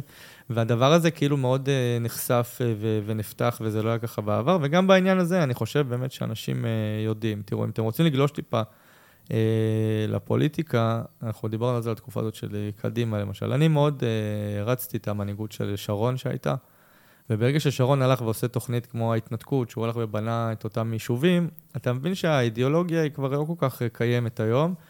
יש אה, סד של לחצים מאוד גדול, יש אבל אתה המון המשכת השפעות. לתמוך, לציפי לבני, שהיא זכתה אז ואחר באותה כך, תקופה. תראה, אחר כך מה שקרה, שכאילו אה, הלכתי קצת יותר אה, ימינה עם, ה, עם הזמן, אתה היום ליכוד? ואני יותר, אני קורא לעצמי, כי אם אתה רוצה להגדיר אותי, אני כאילו מיעוט בתוך הליכוד, נקרא לזה. תראה, אבל אם אני... גדעון כי סער? הצורה כאילו? הממלכתית, אולי גדעון סער. מה, מתאים, יותר אבל- ליברלים תראה, אני בליכוד? יותר, אה, וכאלה? יותר בממלכתיות, יותר ב- וואלה, אתה בליברליות. מפתיע אותי. יש דברים שקורים... למה אה, מפתיע? כי זה לא וסרמן. זה, לא זה מה שאני רוצה להגיד מכיר. לך, זה הנקודה שאמרתי לו, שלוקחים אותי ואז אומרים, הוא קוראים לו מתן אה, וסרמן, והוא עיתונאי, הוא אשכנזי. אה, לא, אני מכיר את וסרמן, את וסרמן הילד, את את לא, אני אומר לך, זה הדעות דברים שלו. שאני פוגש, אה, אתה יודע, אה, כל הזמן, אז היא גם רואה את זה הרבה בבית משפט, שבאים תומכים של ביבי, נגיד לי, הם כאילו רוצים, אומרים, רגע, אז כמו שאמרתי, הוא וסרמן, הוא אשכנזי, הוא עיתונאי, אז הוא נגדנו. או לא, נגדנו, הוא בשמאל. עכשיו, זה לא בהכרח נכון, אתה יודע, היינו שם איזה יום, ויש אה, למשל אה, קולגות, יושב ישי גרינצייג, הוא חובש כיפה, נתנאל בנדל, כל מיני, ואתה יודע, כל העיתונאים, הם אה, נגד מישהו מסוים, נגד מישהו אחר. אני אומר להם, לא, התמונה היא מגוונת, התמונה היא רחבה, אל תיקחו את הדברים, כמו שאמרתי לך, תהיה ספקן, תיקחו את הדברים מובן מאליו. ואני אומר לך ש... למה לקחתי קודם כל טיפה נטייה יותר ימינה? קודם כל, הנושא של הפלסטינים, שהוא כרגע אה, לא פתיר, ואני חושב שהוא לא יהיה אה, פתיר. אני חושב שהבעיה לא. שלו, לא... במקום לשקף, אני תמיד אומר, תשקף, בכל דבר שאני עושה בחיים. תגיד, אני מעדיף לשקף, כמו שאמרתי לכם, לדווח, לספר, ושאנשים ישפטו. אני חושב שלא מדברים על זה יותר מדי או בכלל, פשוט כאילו זנחו את זה באיזשהו מקום שזה לא פתרון, ומצד שני לא אמרו, תראו, כל עוד הם לא יכירו, מבחינתי, על הזכות שלנו פה, אה, על הארץ, זה לא זה יקרה. לא אבל משנה. זה לא יקרה. נכון, כולנו יודעים זה שאין לא פתרון. לסכסוך אין הזה. פתרון. נכון. אבל האם מישהו בא ואומר, אה, עם ישראל, בשמונה בערב, תבינו, אין פתרון, אנחנו פה בסטטוס קוו, לנצח אה, נאכל פה זה חרב. לא politically correct, אבל לבוא ולהגיד דבר כזה. אוקיי. אבל פה לא מתחילה. לדעתי. תראה, הם מאוד הם חד אומרים את זה. צדדיים, הם מצד אחד- הם מצד אחד רוצים מדינת פלסטין, מצד שני לא. הם- לא רוצים שישראל תצא, הם רוצים רוצ- סיפוחי הם שטחים. לא זה זה בדיוק- זה העניין של הפוליטיקלי קורקט. הם לא רוצים- אומרים מצד אחד שהם. רוצים, אבל בפועל הם לא באמת רוצים. לא אבל זה לא משתלם. טל, הימין- רוצה סיפוח שטחים, ואני אומר, מה? עוד שלוש מיליון מוסלמים בישראל? הם לא רוצים, הם לא רוצים מדינה, כי אם, הם, כי אם תגיד לא עכשיו לכל משתלם. הערבים לעבור למדינת פלסטין, אתה תראה שכולם איזה יישארו אף פה. אחד, הם יחזיקו קודם כל. זה לא, לא משתלם, וזה גם ש- משתלם להם לשמור על הסטטוס של הפליט. נכון, כי זה זה נורא כסף. משתלם. קודם כל, מלחמה זה עכשיו כסף. הם גם רוצים את השילוב, הם מבינים את היתרונות. תראו, כמו שאמרתי לכם, שאני היום יותר הלכתי קצת ימינה ממה שהייתי, אני למשל נותן הרבה ביטוי לכאב, למצוקות של המפלגות הערביות, של הסיעות הערביות. אני יכול להגיד לכם שאני אולי העיתונאי היהודי היחיד, נכנס לס- לסיעת אה, חד"ש-תע"ל בימי שני, הפרצופים כאילו בשוק, אני צריך להציג את התעודת עיתונאי, כי הם לא רגילים שהתקשורת, מה שנקרא מיינסטרימית היהודית, לצורך העניין נקרא לזה. המצע של חד"ש דווקא סבבה, ו- הוא לא כזה גרוע. אז... הוא לא כזה גרוע. אז מה שאני רוצה כאילו להגיד, הם לא רגילים בכלל לפריזמות. עכשיו, קודם כל אני אומר, בסוגיה הפלסטינית, קודם כל אין פתרון, לא יהיה פתרון, ואני חושב שהיה עדיף, במקום לתת אה. אשליה או לדכא אותם, בסופו של דבר, תראו, גם האוכלוסייה הערבית בישראל, הם צריכים לקבל שוויון זכויות אה, מלא, הם לא צריכים לקבל זכויות אזר- אזרחיות, כן, כאילו. מי מהם? על מי אתה מדיניות, מדבר? כן. עכשיו, אה, ערבי ישראלי, תעודת זהות כחולה, מקבל את אותם לא, הזכויות לא. לא, לא, בדיוק. לא, לא, לא. יש, אנחנו, כן תסתכל- פה. תסתכל איך, איך היישובים שלהם נראים ואיך היישובים כן, שלנו אז קודם נראים. כל יש פה- מבחינת תשתיות, אבל הם אה, בוכים על משת- על אבל אה, אי. שיטור והכל, אבל זה בגלל שהם יודעים נגיד מי רצח. עזוב אבל- רצח, אני לא לא מדבר-. לא לא כרגע אני לא מדבר על הרצח? אני מדבר על תשתיות בסיסיות. אתה תראה למה ערבי ישראלי, תעודת זהות כחולה. תשתיות, אני לא מדבר על תשתיות שיש לך בכפרים אה, שלהם, בערים לבנות שלהם. בתים, אבל לא מאשרים להם אה, תוכניות בנייה. שלי. אני לא מדבר- הם אני. לא לא. מדבר על התעודת זהות, אני הרבה, אתה מדבר... יודע שלא מסיימים את סבבה, הבנייה אתה בכלל, מדבר כאילו לא באיזה ערבים שטחים? אני. אומר לך, באיזה שטח? בשיטור, בין- בגלל זה אני מפריד קודם כל אזרחים, אה, אזרחי ישראל, מה שנקרא, ואלה שלא. אז קודם כל נדבר, בגלל זה אני ארד ב- ברזולוציה. קודם כל, מבחינת הסוגיה הפלסטינית, הייתי מעדיף שיגידו את האמת, שאין פתרון אה, לנושא הזה, קודם לא מכירים בזכותנו על הארץ, נכון. ובגלל שאנחנו במציאות שהיא כאילו מציאות ביטחונית מורכבת, אנחנו חייבים טיפה להיות יותר אה, אה, חזקים וכביכול אגרסיביים. אנחנו תכף ניגע בזה למה הימין עושה שמאל והפוך, אבל בגלל זה אמרתי לך שהתחלתי טיפה ללכת יותר על הכיוון הימני מבחינת האידיאולוגיה המדינתית. מבחינה אה, אחרת, אני גם אומר, תראו, אה, אזרחי ישראל הערבים, כמו שאמרתי, מגיע להם שוויון זכויות אזרחי מלא, הם לא נמצאים שם, הם לא מקבלים מאיתנו את התנאים הללו. אה, מבחינת בנייה, מבחינת אה, לא. שיטור. זה לא רק שהם יודעים אה, מי רצח או לא רצח. לא נותנים להם גם כלים, והם מאוד רוצים להיות פה, הם מאוד רוצים את השילוב, הם התחילו לבוא להפגנות האלה. למה הם התחילו לבוא לקפלן? כי הם רוצים שהקול שלהם יישמע. הם מאוד מחפשים את זה. למה הם עושים את השיירות של הרכבים, והם עושים היום איזושהי מחאה? הם כן, הם נורא מחפשים, כי הם מבינים מה היתרונות של מדינת ישראל הדמוקרטית, הליברלית, הם לא רוצים את המשטרים שלהם. אז אנחנו מצד אחד נותנים להם את ההזדמנות, מצד שני אנחנו לא באמת אה, אה, מחבקים אותם, כי יש גם את החשש הזה של אה, יום אחד כולם רעים וכולם יתהפכו עלינו אה, וכולי. אה, אז מהבחינה הזאת, כמו שאמרתי לך, התחלתי טיפה יותר ללכת אה, לכיוון הזה, כאילו, מבחינה מדינית, ואני למשל, בניגוד למה שאתם אומרים, נכון, זה לא פוליטלי קורקט, לא יבחרו, הייתי מעדיף שיגידו לי את האמת. כי אה, נתניהו החליט לעשות איזשהו הפרד ומשול, לחזק את החמאס, להוריד את הרשות ולתקוע את המצב. הוא מעדיף שכאילו יהיה שם את החלוקה הזאת אה, ביניהם, ולא יהיה גם מול מי לנהל משא ומתן, כי הוא מבין מה הקרבות ומה הצורך. בסופו של דבר, הוא גם לא מאמין שהוויתור הזה על השטחים הוא יביא אה, ביטחון, וזה גם התפיסה כאילו יותר הימנית היום, ואני גם לא חושב שכל אנחנו נחליט שאנחנו מתגמשים ומוותרים, זה משני מקומות, גם מהזירה הפנימית, אבל בעיקר מהזירה החיצונית. אני חושב שהסכמי אברהם הגיעו מתוך ההבנה שגם אם תאהב או לא תאהב את נתניהו, הם תופסים אותו כמנהיג שהוא מאוד אה, חזק, הוא הרבה שנים פה, והם יכלו רק איתו לעשות לצורך העניין את ההסכם הזה, כי ברגע שהם היו רואים הרבה שינויים והרבה תנודות, הם לא היו הולכים על הנושא הזה לישראל, וזה חלק מהסיפור גם, הסיפור הסעודי הוא בערך סגור ב-80 אחוז, וחלק מהסיבה שזה עוד לא נסגר, זה גם בגלל שהם לא יודעים האם מחר בבוקר הוא נשאר פה וחותמים איתו. ונתניהו מבחינתו, אם דיברנו על זה בהתחלה, הוא מסתכל מאוד על העין של, מצד אחד הוא על סעודיה, מצד שני הוא על המשפט, והוא לא יודע מה ייגמר קודם, האם הוא הולך לעסקה ש... אני חושב שהוא ילך לעסקה, אתה לא ש- חושב שהוא ילך לשם. אני- אני לא חושב שיש לו אינטרס לסיים את המשפט הזה עד הסוף. זה לא משתלם לו, כי ככה אין לו אבל- שלי- אין לו שליטה אבל עסקת בנרטיב. טיעון אתה מודה. אבל אם הוא ילך על המשפט עד הסוף, לו אין לא- לך שליטה. תחשוב שללכת על המשפט עד הסוף זה 50-50. אני היחיד כאן שיושב בשולחן שחושב שחלאס, עבר זמנו ועבר כל זמן הליכוד, חייב מפלגה של צעירים, מפלגה משמעותית, מפלגה שבאמת תעשה שינוי. לא מדבר איתך על פתרון בין העמים, אה, שגם עם זה יש לי בעיה עם ההגדרות האלה, אבל... אה, אתם לא חושבים מבחינה- שהגיע הזמן לעשות שינוי בישראל? אנחנו לא יכולים להתקיים פה. אני בעד אנחנו- לא. הולכים לעבר הגלות.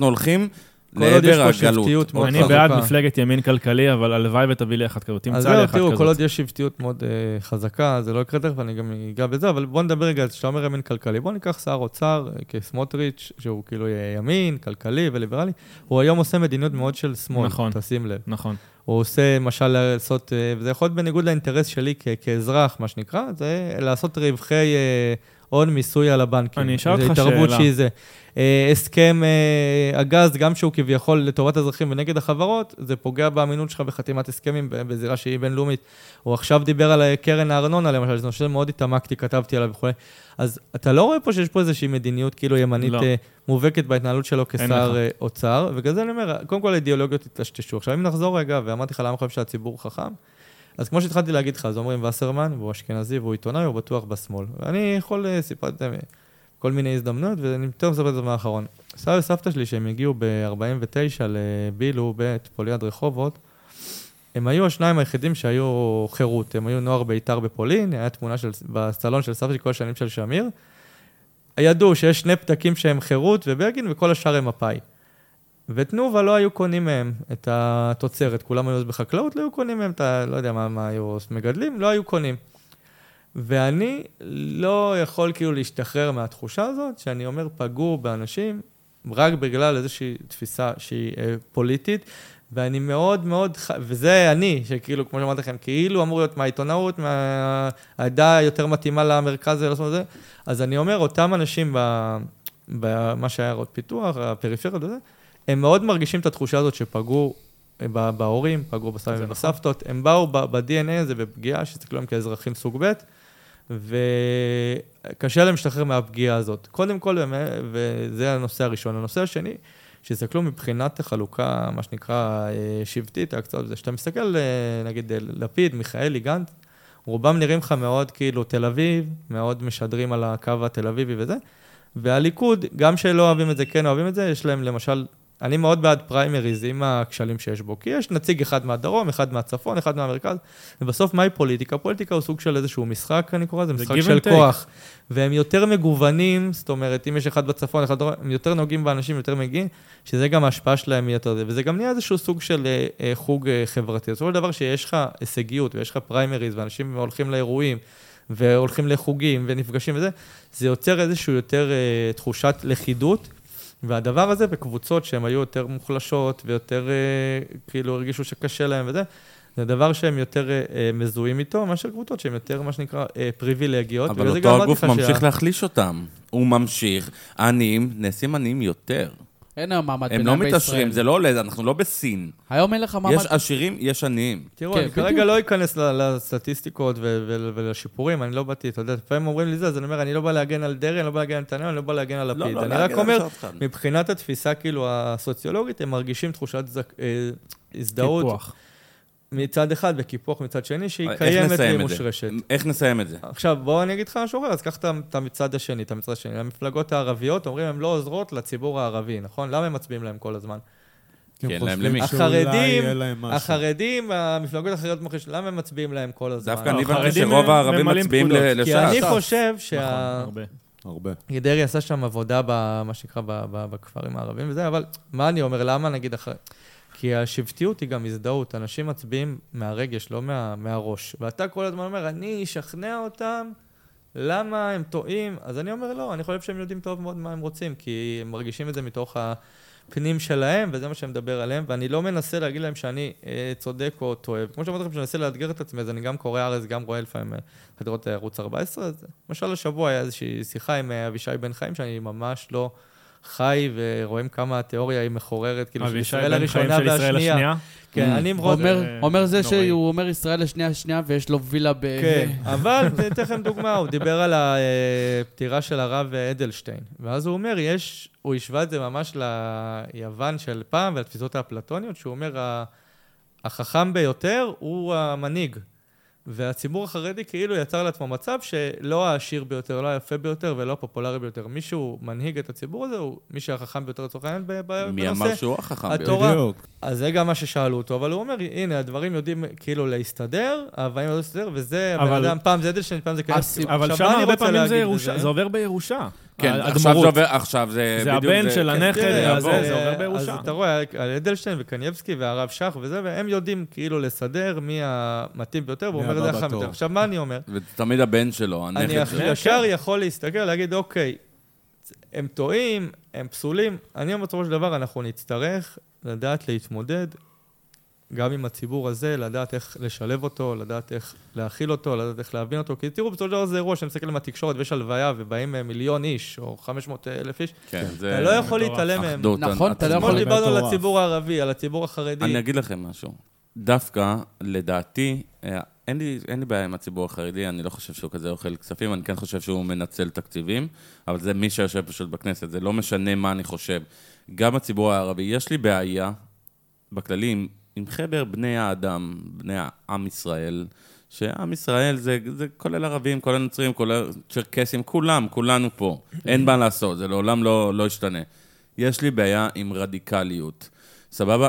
כן לימין, אה, אני לא יודע, לא, לא רוצה להגיד את המילים, את ה... כאילו- לא מילים, לא רוצה, כאילו לה- לא רוצה לימין, להזכיר לא את, ה, את הגופים. הימניים, ו- וכאילו רדיקלי שמאל, של אני לפעמים אה, עובר עם האופנוע בשרונה ורואה די לכיבוש, זה- ובא לי לדבר איתם, אבל אי אפשר לייצר עם אותם אין שיח. האנשים אתה לא שיח, יכול. כי יש לא, אתה, לא. אתה לא יכול, כי זה תמיד יגלוש לצעקות, ולא, לאו נכון. דווקא מהצד שלי. ואני לא ימין, אני לא שמאל, אני איתן, כמו שאני תמיד אומר. יש לי תפיסות מפה ומפה ומפה. אה, אבל נגיד, פתאום אני קורא- קורא כתבה, אתה גם קראת, אה, שירה גפן, תרמה את כן. כל תכולתו של יונתן גפן, כאילו, ל- למרצח. עכשיו פה, דרך. ארגון שוברים שתיקה, פה יש לי בעיה. כי דבר ראשון, עם הארגון הזה, שזה ארגון דובר שקר, אני הייתי בכמה וכמה אה, הפעלות שלהם וסיורים כאילו שלהם. פה, זה בבטן, זה מציק לך בקרביים, אבל איך אתה עושה גשר עם בן אדם שהוא... זאת הבעיה, לדעתי, אה, זה מה שבעצם הבעיה מג- לא מגביל לדבר. אותנו. הם לא מעוניינים לדבר. אוקיי. הצדדים הקיצוניים, הרדיקליים, לא מעוניינים לדבר, לא אחד עם השני בטח, וגם לא עם ה... כל הקצוות באמצע. בסופו של דבר אין אמצע ימין-שמאל. יש עוד מנעד שלם ביניהם. הם לא מוכנים לדבר עם אף אחד. שדרך אגב, אתה, הרוב זה, נמצאים זה שם. כמו שבשביל אה, נטורי קרתא, אתה דתי חובש כיפה, אתה לא באמת יהודי. נכון. אתה לא באמת דתי, אתה, אתה כופר. ואתה מרגיש שהם ולהוא זה מכתיבים את ה- כופר, ולהוא זה אתה חושב כופר, שהם מכתיבים את הסדר יום, זה שרשרת. ולא אה, שרוב האנשים... לא, אני חושב שרוב האנשים מכתיבים את הסדר יום, אבל את מי שאתה שומע בת, בתקשורת, זה את הרדיקלי. כן, אז אני מסכים איתך, אבל אה, זה שוב, אתה יודע, המלחמה לפחות האישית שלי, שאני אומר לא ללכת לקצוות, לא ללכת לקיצון, אבל אתה לא חושב שהאמצע. משעמם? משעמם. אני חושב שהמשעמם הוא חשוב. אה, האורחים. חושבים אבל אני בסופו של חושב דבר איך להביא שהמשעמם רייטינג. הוא החשוב. בסופו של דבר אתה רוצה לעלות במדרגות. אתה רוצה להגיע ל... למעמד יותר גבוה. ו... פעם חשבתי שהכל יושב עליי, יש לנו, יודע, כל העולם עלינו. היום אני מבין ש... אתן לכם דוגמה אחרת, אתה כתב אה, פלילי אצלנו, אומרים לו, תביא יותר כותרות אה, צהובות, כמו שיש באיזשהו. מישהו מסוים פלילי שעושה בכל סוף שבוע את המשפחות שם והדברים האלה. ואז הוא אומר, אני מבחינתי מדבר עם המשטרה, הוא ממציא דברים, אני מעדיף לשמור על השם שלי מאשר להביא עוד אה, קליק. עכשיו, יכול להיות שהוא טועה, אני זה יותר, נגיד- זה יותר גישתי. זה נגיד אני- שאלה שמתחבר למה שאתה אומר, האמת, כאילו. האורחים אמרו בסופו לי, של דבר, לך, הם משפט הם נתניהו, יש רוצים- מישהו מסוים בטוויטר, כל יום הוא אומר, פצצת אטום, התיק קרס, התיק נפל, יום אחרי זה אני פוגש את העובד משפט בבוקר, אני אומר לו, אבל אנחנו עובד משפט, איפה הקריסה? זה לייצר כאילו, באז. כן, זה הכל.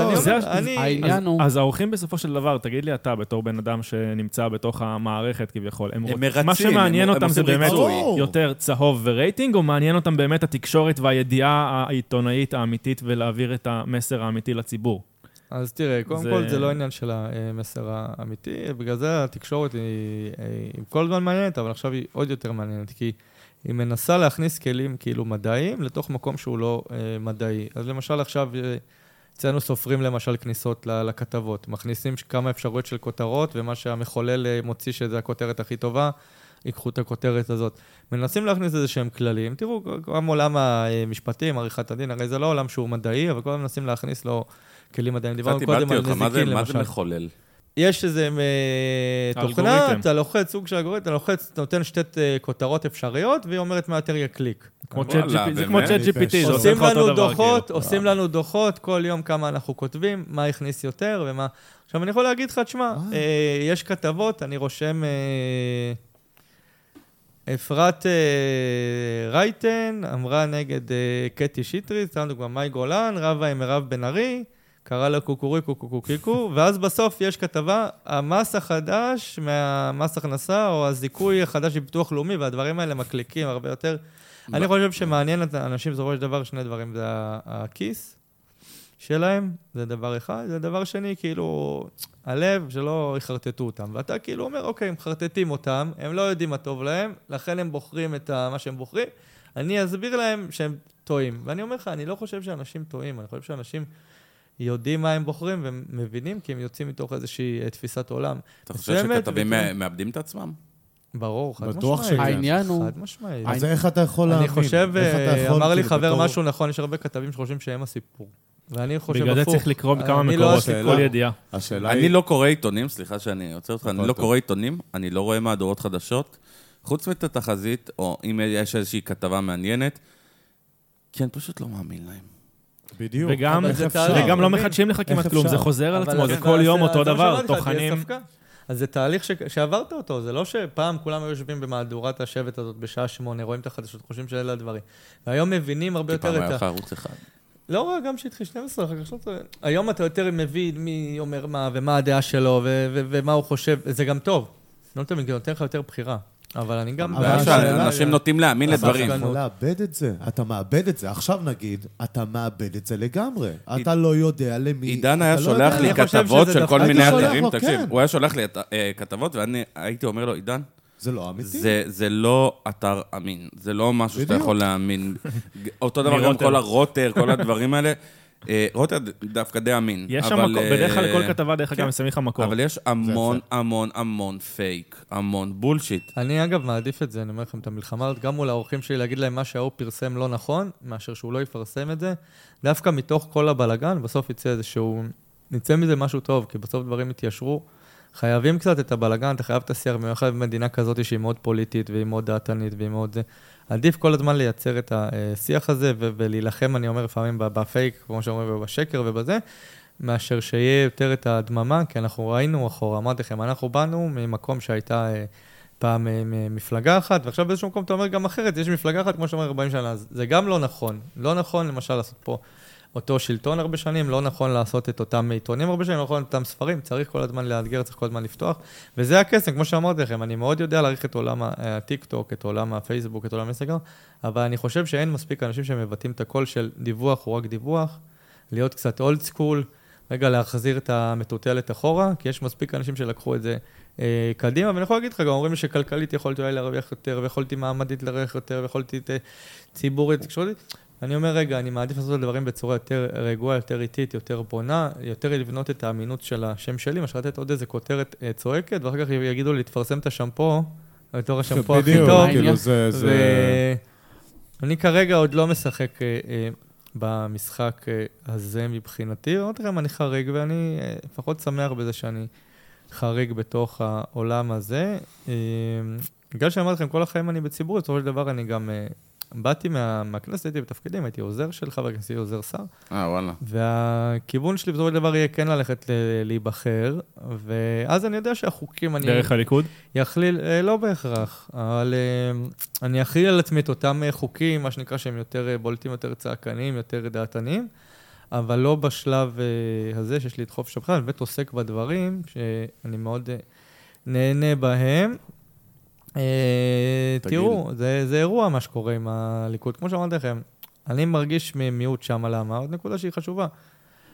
יש אנשים, תראו את לשכת עורכי הדין יש שבוע הבא בתוך הזה. ואני, כן, אגב, אני אגב מקבל, אני אגב מקבל את הדבר הזה. וואו. וואו. אני אגב מקבל את הדבר הזה. תראו, אני למשל ראיתי איזה סקר לפני חצי שנה של המכון הישראלי לדמוקרטיה. אני, הנושא של אה, שחיתות הוא מאוד אה, פוגע בי, מאוד כואב. מישהו דיבר, אתה אולי דיברת.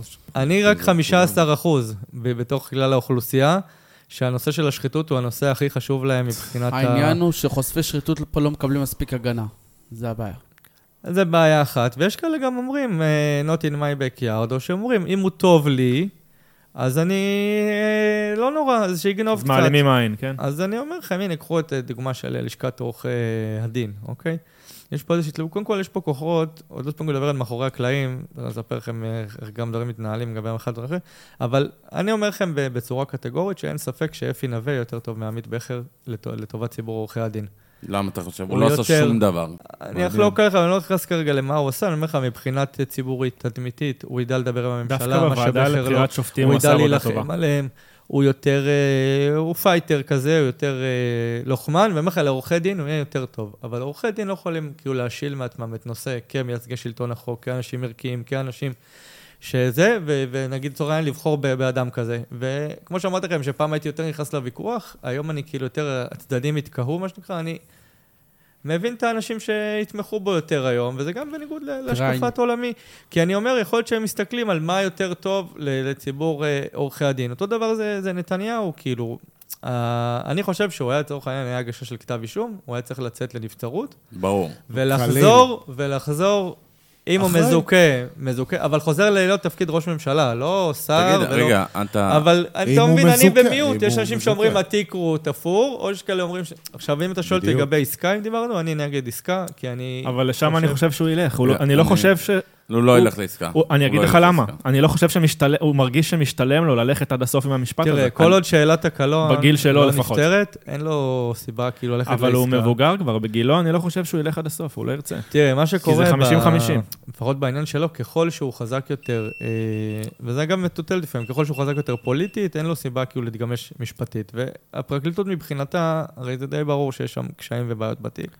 בוא נגיד יורידו את סעיף השוחד, אוקיי? אבל יורידו, הם מבחינתם יורידו את המאסר בפועל, הם מבחינתם לא יוותרו על הסוגיה של הקלון, ומבחינתו, כל עוד הוא ראש ממשלה, אין לו סיבה ללכת לקלון, נכון. ובגלל זה כרגע אין, אה, אין עניין של העסקה, כי בדיוק יודעים שזה הדבר, הרי הוא לא ילך בסופו של דבר לכלא. אבל מצד שני, במשפט, אין לך שליטה. אתה לא יודע בסופו של דבר איפה אתה מתחיל, אתה אתה מתחיל במקום אחד, אתה לא יודע איפה תסיים. וגם אני אומר, גם הפרקליטות היא בסופו של דבר ובעסקה יש לא, לך לא שליטה תוותר. מלאה. אני יכול להגיד לך למשל שאני תמיד אומר שיש לנו מערכת אחת ופרקליטות אחת ו- וגם יש ביקורת וזה, אבל אני לפחות מה שאני רואה על השופטים, יש כאלה שלפעמים מסתכלים אחרת, אני רואה שהשופטים מאוד uh, מאוזנים, מאוד נותנים לשני הצדדים את הבמה שלהם, מאוד נותנים להם לדבר, אפילו בצורה שהיא מיותרת לפעמים, ועם העריכת הזה, כי ומבחינת מסתכלים עליהם מה שידברו, בפינצטה ספציפית במשפט הזה. אבל תגיד. אני מאוד אה, מרוצה כאילו מההתנהלות אה, אה, שלהם, ותראו, קחו, הנה, דוגמה אחרת, את הנושא של אה, לפיד, שהוא הגיע לעדות של בית משפט. דובר, למשל, שתי פגישות פורמליות במשרד, בארבע עיניים, והוא מנסה לשכנע אותו, בסוף אתה מתברר שפגישה אחת הייתה במסדרון, והפגישה השנייה לא בטוח שהייתה. בגלל זה אני אומר, הבירור הוא מאוד מאוד חשוב. הבירור הוא פה הוא קריטי, ואני חושב שמי שרוצה כביכול, לא רק בטובת אה, נתניהו נגד נתניהו, ואגב, זה מאוד דומה לפוליטיקה השלטית בישראל. אני לא חושב שיש בן אדם אחד היום שהיה חשב שביבי זכאי, ועבר פתאום חשב שהוא אשם. יש בן אדם אחד שהוא אשם וחשב שהוא זכאי, ואנחנו כמה שנים כבר עם המשפט הזה? לפחות ארבע שנים, עוד מעט. אז... זה אה, מטורף. אבל תגיד לי רגע, אתה לא חושב שאם שר שמתנהלת נגדו חקירה פלילית, הוא לא יכול לכהן כשר? עקרון הקל וחומר אומר, בטח, זה לא בדיוק. שראש הממשלה לא יוכל, לדעתי. אבל הם למצאו את זה, הם לך, מצאו את זה לקונה לא בחוק. אני אגיד לך, אבל יש. הבדל, אבל אבל- לא, אין לקונה בחוק. החוק אומר גזר דין חלוט בערכאה האחרונה. זאת אומרת, לראש הוא- ממשלה. הוא אבל יש יודע- הבדל בין שר כן. לבין ראש ממשלה. תחשוב שאם שר עכשיו יש נגדו כתב אישום והוא צריך להתפטר, אבל- אבל- אז שנייה רגע. אבל הוא הסופרייר של השר. אבל זה, זה בדיוק העניין, אבל אם, אם, אבל אם. שר, לא, אז אז, אני אסביר לך למה לא לפי דעתי. אה, אם שר עכשיו יש נגדו כתב אישום והוא מתפטר, אז לא קרה כלום, נביא שר חדש. אם ראש ממשלה עכשיו מתפטר או עוזב, נופלת לך הממשלה. אבל זה כבר קורה. לא, כמה- זה משהו, זה משהו אחר? אתה, אתה מסכים איתי שזה שונה לגמרי, אבל... פה ש- אתה מפיל את הממשלה. לא, לא, לא, כן. לא ולא, כי יש בדיוק, סגן. כן. לא, לא, יש מה סגן. זה סגן? מי הוא הנה, בכלל? אז תראו משהו אחר. מה- זה אה, מי הוא לא, בכלל? זאת הפריסה לא טובה. לא? באמת. הסגן- כזה? הוא לא יכול למלא את הסגן התפקיד של ראש הממשלה. מתקיים ומטרתו להחליף את ראש כן, לא הממשלה. אני לא בדיוק, מסכים עם זה, אני לא אגיד מסכים לכם מה אני זה. חושב שהדבר הכי עקרוני והכי חשוב והכי קדוש. זה הזכות לבחור ולהיבחר מבחינתי. ושאני מסתכל... אבל זה לא באמת עובד. דומה, אז בוא, וזה דומה גם למה שאתה אומר, האם הם יודעים מה הם מצביעים? בוא ניקח למשל את אה, דרעי, ובכוונה אני אומר, אז אה, אני לא בא להגן עליו, אני לא אה, בא לתמוך בו, אני בא להגיד לכם, נגיד את אבל השקפת אתה עולמי. לוקח את דרעי, אתה לא לוקח את ש"ס. אתה, בגלל זה, אנשים מצביעים ביבי. אנשים לא אני מצביעים אומר, אז ליכוד, אמרתי, יש אנשים פה מצביעים דרעי. פרסונליזציה של הפוליטיקה. אני רוצה לדבר איתך רגע על דרעי. אני לא תמכתי בו פוליטית, לא, לא אתמוך בו, אבל אני חושב שהפעם האחרונה שהוציאו אותו מלהיות שר זה היה טעות, ואני חושב שהוא היה צריך להיות שר בממשלה הזאת, ואני חושב שגזלו אה, קול פה של אנשים שתמכו בו, ו... אתה חושב שהוא היה צריך לחזור בכלל אחרי מה שהוא עשה? לאותו נורמלית הוא תפקיד, לא לאותו. דבר. אתה חושב אני- שזה הגיוני בכלל שהוא גם יושב אני ב- ש- במקום הזה? אז גם אני, שכאילו אמרתי לך, שוב, נושא השחיתות הוא החשוב לי ביותר, אני היום הרבה, כאילו, יותר מבין את, ה, את הצד הזה שהם מתגמשים. אני לא חושב כמובן, אבל אתן לך דוגמה, כי מה קרה? 400 אלף איש הצביעו לו, 2.3 מיליון איש תמכו בגוש הזה, ובסופו של דבר, אלה שהצביעו, כמו שאמרת, בגוש. 400 לא אלף. איש, אני לא, אומר, הם 400 הצביעו אלף איש, בגלל... הם הצביעו לאריה דרעי. הם הצביעו לביבי, הם הצביעו ללפיד, הם הצביעו לגנץ, אין היום מצעים אפילו כמעט למפלגות. אה, יש אה, פוליטיקה מאוד פרסונלית, ואני אומר דבר כזה, אני מניח שאותם 400 אלף איש רצו את דרעי בתור שר. אני לא הייתי ב-400 אלף איש האלה, אני לא הסכמתי איתו, אני לא חשבתי שהוא צריך להיות שר, אבל אני אומר דבר כזה. שיושבים שופטים בבית משפט עליון, ויש לנו באמת מהשופטים החכמים, החרוצים והטובים אה, בעולם, שלא להתפרש, אבל שהם בעצם אומרים, הסבירות שלנו, וזה עילת הסבירות, החוכמה שלנו, החשיבה שלנו, שאומרת שדרעי לא צריך להיות שר, וזה לא מעוגן בחקיקה, אלא כי אני חושב ככה, היא באמת פוגעת באיזשהו מקום בהכרעה של 400 אלף איש שרצו לראות את דרעי. ולד- ולדעתי, יש עוד אנשים בש"ס, יש עוד כן, אנשים בליכוד. כן, לא אבל חושב- אתה מסכים אתם איתי? אתה- אתם מצביעים לאג'נדה, אתם לא מצביעים... עוד לא. אנשים אל בס- תמליכו בן אדם, זה כל כך מסוכן, נכון. כי מלוכה יכולה לעבור אתה בחוק. אומר אבל אתה מסכים איתי שאנשים זה. שהצביעו לש"ס, הם זה. הצביעו לדרעי? כן, אני כן, מסכים הם עם זה. הם רצו לא. דרעי? לא, כן. אם לא. תגיד למישהו ש... כן, לא, ואז אם לא, אנחנו הרב חוזרים... בחר את דרעי. אם תגיד לרוב שיגידו אה. את החמישה הראשונה של ש"ס, לא יודעים אפילו מי השני. נכון, ואז מה קורה יפה, אז הם בעצם? הצביעו אז לדרעי. אתה מנעת ממנו את- את הזכות כביכול, אה, מה שנקרא, לשמש אה, כשר, ושוב, הם מרגישים... אז אתה יודע, אז גפני אומר, אף פעם לא קרה שהציבור החרדי קיבל סעד ב- בבג"ץ לטובתו, אז למה שאני אאמין ב- בגוף הזה? ואז בוא. כשאתה לוקח דבר כזה שהוא מבחינתם הם מהותי, אמרתי לך, אני לא מסכים עם הבחירה שלהם, אני לא הצבעתי לדרעי, אני לא חושב שהוא צריך להיות היום בחיים הציבוריים מבחינתי, נכון. אבל אמרתי לך, אני מאוד, אה, אני גם לא אכתוב את זה אגב בעיתון, זה מה שאמרתי לך, אבל אני מאוד מאוד מבין את הכאב, את, ה, את הכעס ואת חוסר האמון במערכת. בסדר, מבין, בעצם מבין, אבל סתמו זה... את הפה אבל, אבל זה קהל עיוור, זה עדר פרות, זה קהל לא זה עיוור. אבל זה לדעתך. זה בדיוק, כן, זאת דעתך. הבעיה- זאת- זאת הדעה שלך. אני לא חושב שהם רגע, קהל עיוור. רגע, יש, יש אחוז לא מבוטל של תומכי ליכוד שאומרים שהמחליף של ביבי צריך להיות יאיר או אבנר. אלוהים ישמור. העברה בירושה זה כבר, כאילו, הנסיך? יודע אם זה ככה, אני לא בטוח. אני אתה- אגיד לך אתה גם, מבין- אתה רוצה אתה משהו מבין מתוך שאפשר הליכוד, אז להעביר אני אגיד. לך שגם בתוך הליכוד הרבה מאוד אנשים לא אוהבים את ביבי. בסדר, יש להם אומץ לדבר? בסדר, אבל הם לא ידברו על חלק. גם מדברים, אבל תראה מה בסופו של דבר קורה. עושים סקרים. לא, כי עושים סקרים, והעובדה היא שמבחינת המנדטים, אתם רואים את זה, הציבור רוצה אותו, הציבור בחר אותו, והליכוד הוא פועל בצורה... יש לך שר הומו שהוא נגד זכויות להט"ב. אנשים הצביעו נגד החמרת ענישה למתעללים בבעלי חיים. הגואליציה של היום, כשהייתה הקואליציה, האופוזיציה, הצביעה נגד זכויות לנכים, לחיילים. היא פגעה במדינה על בסיס, כאילו, אגו. זה הכל. איך אתה יכול להצדיק את זה? בוא תצדיק את זה. אין פה עניין של להצדיק, אמרתי לך, זה כאילו, כשאני מנהל את הוויכוח, אני רוצה להגיד, האוטומ- או האוטומטי זה כאילו להגן, המטרה היא לא להגן, אז אני אומר, מה שרציתי להשלים מקודם, אמרתי לך, הם לא כולם ויכול מתים על ביבי, אבל ברגע שהוא מביא להם את השלטון, הם מבינים שזה מה שהציבור רוצה, הם ממשיכים, מה שנקרא, תקרא לזה להמליך אותו. אז דבר הוא מוביל לדבר, אתה שואל אותי פה, תשאל את אוחנה, אז אוחנה יכול להגיד לך, תראה, אני יכול להיות, במרכאות אולי צדקן, אני יכול לשבת בחוץ, אני יכול להיות, אה, ראית את מרץ, מה הייצוג שלהם היום בכנסת, שאין את הייצוג הזה, או שאני יכול מתוך המערכת לפעול ולשנות ולהשפיע, והוא אומר, אם אני אצליח להביא, אני לא ממציא, כן, כמו שהוא אמר לי, את גפני יותר לעמדה שלי, אולי זה עולם הרבה יותר שלם מלהיות עוד פעם בתוך המערכת שבה אני קיים. ובוא נגיד לך, נדבר למשל על נושא המחאה, בסדר?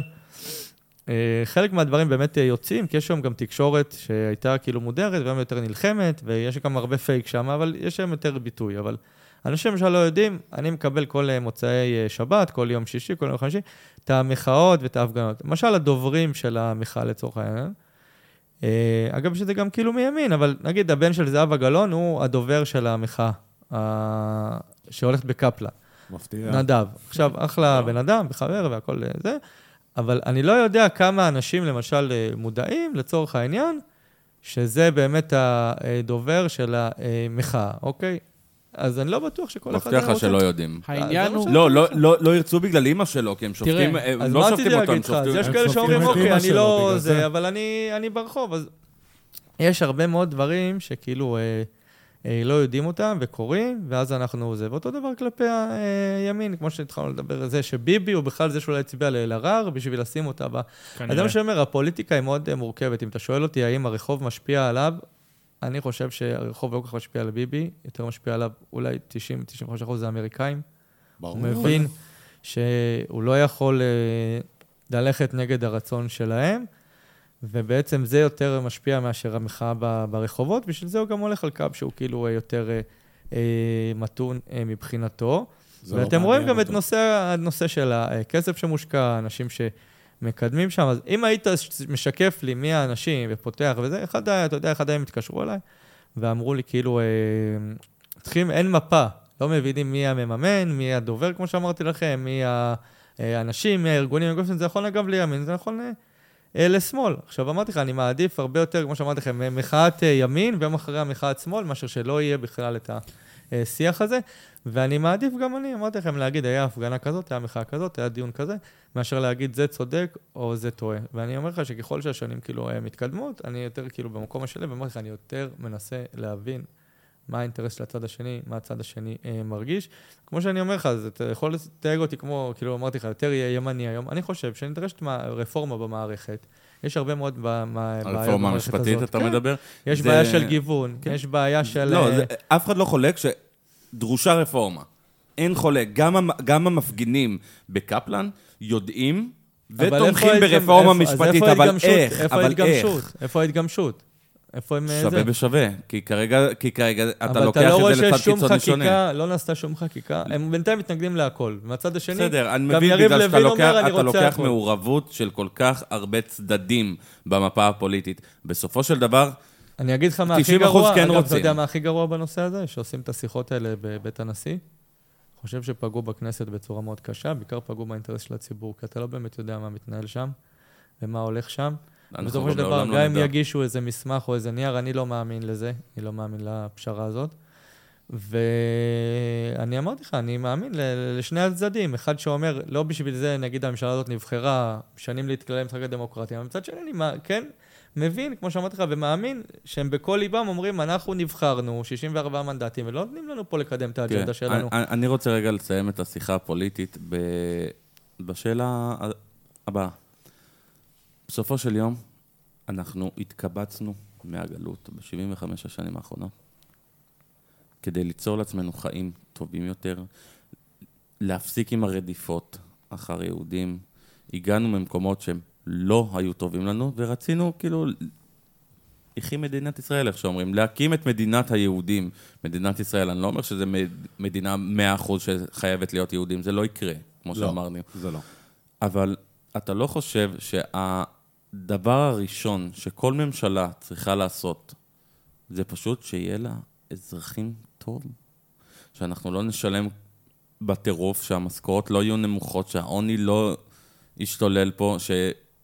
אז אני ואתה נוכל לקנות דירה. כן, הוא נגע בזה מקודם. יש יחסיות, תראה, הוא אמר משפט כמו, אין פה מעמד ביניים. מעמד הביניים הוא בסופו של דבר זה שמממן. את המעמד הנמוך. אין מעמד ביניים. הוא אני לאט לא- לאט נשחק. טל, אין בוא לך נמחק מעמד. מעמדות. רגע, הוא- רגע. בוא בגלל זה הוא נמחק- נשחק. מעמדות זה טוב לממשלות. בוא נמחק מעמדות. למה? האינטרס, האינטרס זה לא שפשוט נחיה כמו מלכים. כי אם כולנו נעשה יד השאלה, אחת, אתה יודע, אנחנו המלך נהיה... שלך הוא לא לא- המלך שלי. אתה יודע, לא אחד כל יוצא לרחוב, הוא רואה זה את לא. הג'יפים, הוא רואה את נתב"ג מלא. לעני מהדרום לא בא לו להישאר עני מהדרום, כי לילדים. שלו הוא לא יוכל לעזור אפילו לדירה. הוא לא רוצה להיות השאלה איך שם. מתקנים את הדברים. תראה, אחד... אני לא אה, יודע אם אפשר. אז אני אומר, אני מלחמת חושב- אזרחים, לא? אני חושב שטוב להם ככה שזה. נמצא במצב הזה. למי שזה טוב? משרת את כל הפוליטיקאים, כל המצב הזה. זה לא יעזור. תראה, אני- חייב שיהיה לך את האיש... תראה, ה- שיסוע מש- שיסוע מ... חייב להיות לך את האיש, לא. אה, כביכול חלש, עני, בשביל שהוא יתמוך קודם כל זה נכון, במישהו זה נכון, שמדבר אליו נכון. פנים מול הנה, פנים. אתה מדבר למשל על אסטרטגיה. ויש לך כן. את האליטות. תראה, מדברים על הנושא למשל. של הכרטיסי מזון האלה שהוא רוצה לחלק, של אוקיי? דרעי, כן? ואז אומרים, כן, דגים ולא חכות וכולי. אז יכול להיות שזה אולי הצעד הלא נכון. השאלה אם, עוד פעם, האנשים האלה לא קיימים ולא צריכים... זה כל הזמן שאני אומר, אני כל הזמן מאתגר את עצמי, מאתגר את האחרים. אז אומרים, אה, המעמד ביניים ויוקר המחיה וקשה פה, ואני אומר לכם, גם לי קשה וכולנו קשה. הכמות של הג'יפים, והכמות של הרכבים, והכמות של הטיסות לחו"ל, ואתה רואה את זה שהישראלי... אנשים חיים במינוס, זה לא נכון, הישראלי- ובהלוואות. נכון, ישראלי חי נכון בהלוואות וחי נכון. במינוס וחי מעל המעמד שלו, מעל הרמה שלו, ועובדה שאתם רואים שהעלו עשר פעמים את הריבית, נכון. והם לא, לא הפסיקו לצרוך, רק עכשיו יש ירידה פעם ראשונה, ואולי עולה את הריבית. זאת אומרת שאנחנו מחנכים את עצמנו לככה שלא יעריכו אותנו. אנחנו לא... בגלל זה אני אומר לכם שאני שמח מהבלאגן ברחוב, כי אנחנו הרבה שנים שתקנו ולא דיברנו. השיח למשל הכלכלי היה מושתק, אף אחד לא דיבר על זה. אבל. מתן זה יכול להגיע... אבל לא- לא מדברים על זה. כמעט, על תראה, השיח תמיד הכלכלי. זה לא במחאות. תראה, היום יש שיפור, קח את המחאה החברתית הקודמת, לעומת מה שהיום, אז היו משתיקים את הכל. היום הרבה יותר מדברים, עובדה ש... למה עניין נהיה של התוכנית רשתות, זה הכלכלית עניין של והתוכנית... רשתות. זה נכון. נהיה יותר קיצוני. תראה, אבל יש זה כמה... נהיה ב- באלימות כזאת גדולה שזה לא הגיוני תמיד כבר. הייתה לך גם אלימות. גם מילולית וגם פיזית, אתה רואה את זה יותר ברחובות. תמיד היה לך את הדברים האלה, אתה פשוט. חשוף לזה תמיד יותר. היה, ככה. היום יותר חשופים, כמו שאמרתי לכם, היום כל אחד הוא כלי תקשורת, כל אחד הוא נכון. אה, עולם, כל אחד הוא, יש לו כל אותו ילד עם. טלפון. נכון, כל אחד מרים טלפון. תראה, הבעיה היא שאנחנו לא מספיק נלחמים על הזכויות שלנו. נגיד בצרפת רצו להעלות את גיל הפנסיה, כולם יצאו לרחובות, להם צמיגים. נכון. בישראל, הפוליטיקאים מגיעים לבמות, נכון. נותנים להם לדבר. אבל העובדה היא שאנחנו אה, בוחרים בהם בצורה הזאת, שאתה רואה שיש למשל 70 אחוזי הצבעה בעייתי. בבחירות. אז אני אומר, בגלל זה אני אומר, אני מעדיף את הבלגן הזה ואת הוויכוח, ושהוויכוח יהיה סוער, וש... וש...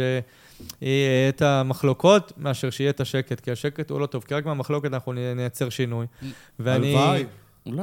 ואני חושב שבסופו של דבר זה ילך לשם, כי בסופו של דבר יהיה קצת שינויים, אבל יהיה גם אה, את אותה אה, נסיגה, וילמדו שאין ברירה, ובסוף אנחנו נחיה. ביחד. אה, קיימת כל כך הרבה חשדנות ב- בישראל, כאילו, חרדים כי נגד אנחנו הימני. יהודים. כולם נכון. נגד כולם. איך פותרים את החשדנות אבל זה הזאת? שתי יהודים, שלוש דעות. ככה זה עובד. אבל איך. פותרים את החשדנות? אז, אז אתה זה מה שאמרתי כאילו- לו מקודם בשיחה, אני מנסה מלחמת כל הזמן. לאמץ לעצמי את הגישה, ולפעמים אמרתי לך באוטומט להגיד, למה אתה מגן עליהם? אז אני לא מגן עליהם, אני יותר מנסה כל הזמן להבין להבין, אותם.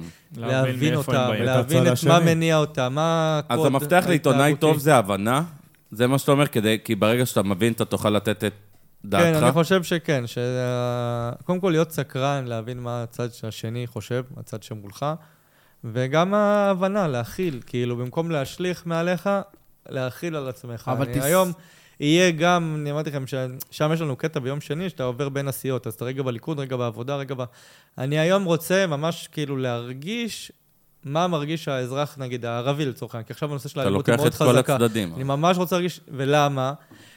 כי זה גורם לך להבין שכן רוצים את החיבור. יש למשל, השבוע הייתה איזושהי הצעת אה, חוק של חבר הכנסת יעקב אשר, שגם הג... אה, הירידה הזאת על החרדים והפגיעה בהם והכול, היא גם גזענות. עכשיו אתה יכול להגיד עוד פעם, הם, הם בוכים והם מקבלים והקיצות וזה, אבל זה מראה לי שהוא רוצה שילוב. זה שהציבור הערבי למשל הולך ומוחה ברחוב ומתחנן, תבואו תעזרו לי, הם רוצים את השילוב. בסופו של דבר רואים, בגלל זה אני כל הזמן השאלה אם הם מוכנים לשילוב. הם מוכנים? אתה זה חושב? תהליכים. שהם מוכנים. זה תהליכים, זה אני תהליכים. חושב שדור הבא יהיה מוכן. קח למשל את העליות, אתה יודע, כמו הדתיות שהיו פה, היה מר- היה עלייה ממרוקו ומצפון אפריקה, ואחר כך אה, אה, לאתיופיה וכולי. זה תהליכים, זה שינוי, בסופו של דבר, גם הציבור החרדי, הוא יהיה חייב להבין, גם הציבור הערבי, שהם חייבים להתאים על, על עצמם דברים, לקבל יותר מוסכמות חברתיות, יותר לקחת פה שילוב. בוא נראה. אבל באופן עקרוני זה מה שאני אומר לכם, אני מנסה לשים על עצמי באותו רגע להבין מה רוצה הבן אדם שהוא הכי ביביסט בעולם, ומה רוצה הבן אדם שהוא אה, בציבור החרדי, מה רוצה הציבור הערבי. בסופו של דבר, אני כן חושב שהמכנה המשותף הוא המחבר פה יותר חזק מהמפריד, ואנחנו נמשיך להתקוטט, אבל אנחנו נמשיך להיות ביחד. אני חושב שהפתרון ו- זה אהבה. תראה, אני אגיד לך מה, מהצד מה החרדי, מה כאילו... הפתרון? אהבה. לא יקרה. תאהב, תאהב את אה, השכן שלך. בואו נאהב לא יקרה. רגע אחד את השני, בואו נקשיב אחד לשני, שנייה להקשיב. אבל זה לא יקרה. זה לא, זה שזה אבל לא יקרה השאלה זה אם אנחנו לא המציאות. צריכים לשאוף אבל, לזה, אה, אנחנו בואו לא נדבר על סרט דיסני. שאלה אם אנחנו לא. צריכים להילחם ולשאוף לזה, אתה מבין? אז אנחנו צריכים להילחם. זה כמו שאמרתי לכם, בדרך כלל מה קורה בפאנלים? יש את ההוא מהימין, ההוא מהשמאל, הם מתקוטטים. צרחות. אז אני אמרתי לכם, המ- בשלב הזה אני מעדיף לא להיות שם, חסר לי המחבקים, אני ברור. ממש מקבל את מה שאתה אומר. אני- המחאה צריכה להיות, בוא נאהב, בוא נדבר. בוא בוא שנייה, בוא נדבר. בגלל זה אני מאוד שמח, אתה יודע, אנשים לא לקחו קצת. ציני, אני מאוד. שמח שהם עם דגלי ישראל. אני אגיד. לך משהו, ואני רוצה שכל הרחובות יהיו דגלי ישראל, ותראו, המניעים לפעמים הם לא הכי אה, ישרים או טובים, ואיזושהי תשובה שהייתה למשל לדגלי פלסטין, אבל אני אומר, תיקחו ב- ב- בגודל, ביום העצמאות אמרתי, עם ישראל חי. ואני לא כזה, אתה יודע, איש אה, לאומי כזה ברמה מטורפת, אבל אני אבל אומר, עם ישראל fucking יש לנו חי. פה כנס, עם ישראל חי, 70 שנה. נכון. יש, יש כשלים במקומות אחרים של מאות שנים, וגם אי אפשר להתחרות בזה. תראו, ארה"ב, שהיא כל הזמן עוברת שינויים ותהליכים, זה, זה מקום של 200 שנה, וכל הזמן יודעים לבקר אותו, ויודעים לעשות טעויות, ויודעים... נכון. אני אומר, יחסית ל-70 שנה, כן, יש פה נס, כן, יש פה הצלחה, יש פה אה, באמת אה, ציבור שהוא אה, כי אנחנו מדהים. בבית שלנו, אנחנו איפה שאנחנו אמורים להיות. ואני ודרך חושב אגב, שיש אמרת, הרבה טוב.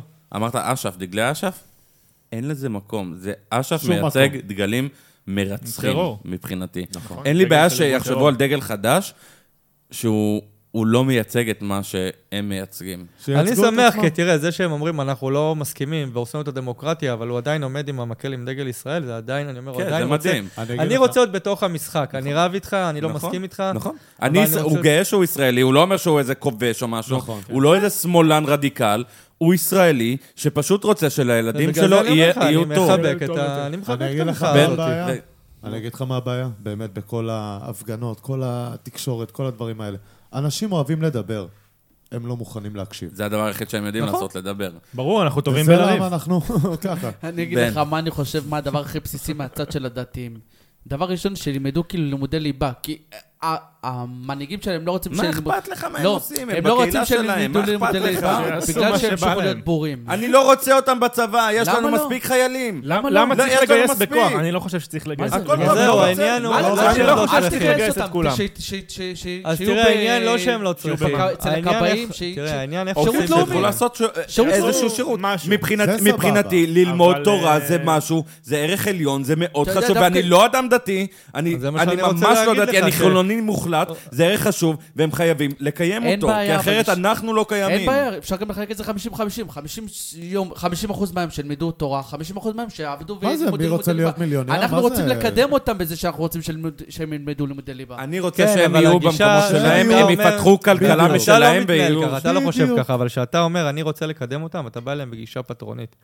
והם לא רוצים את הגישה הפטרונית, הם רוצים באיזשהו מקום את השילוב, אבל הם רוצים את השילוב בצורה שגם תתאים לאורחות חייהם. ותראה, הם עוברים, יש שם אני אגיד לך מה, אבל... קרע פנימי קשה, ויש ויכוחים אינסופיים גם שם בתוך השיטה- החברה הזאת, כי בסופו של דבר, אתה יודע, יש את הטכנולוגיה ויש את הקדמה ויש את הטוב, והם יותר חשופים היום, והם עדיין צריכים לשמור על המקומות שלהם, ואני מקבל אבל את מה שהוא השיטה אומר, גם אם אני שהם חושב... צריכים לקחת זה ארצות הברית. תסתכל על החרדים שם, אני יכול להגיד לך גם, יש לי קרובי משפחה חרדים בישיבות, בכל מיני, לא יודע מה, יש לי קרובי חצרות משפחה וכאלה. בישראל שעובדים ועושים כסף. חרדים, והם עובדים, ויש להם עסקים, והם גם לומדים תורה בכוללים, והכל תראה, שוב, אין משתלב. ויכוח על הדבר הזה. השאלה איך אתה מגיע ל... צריך להעביר את זה לפה. לזה. והם מממנים את החרדים שפה.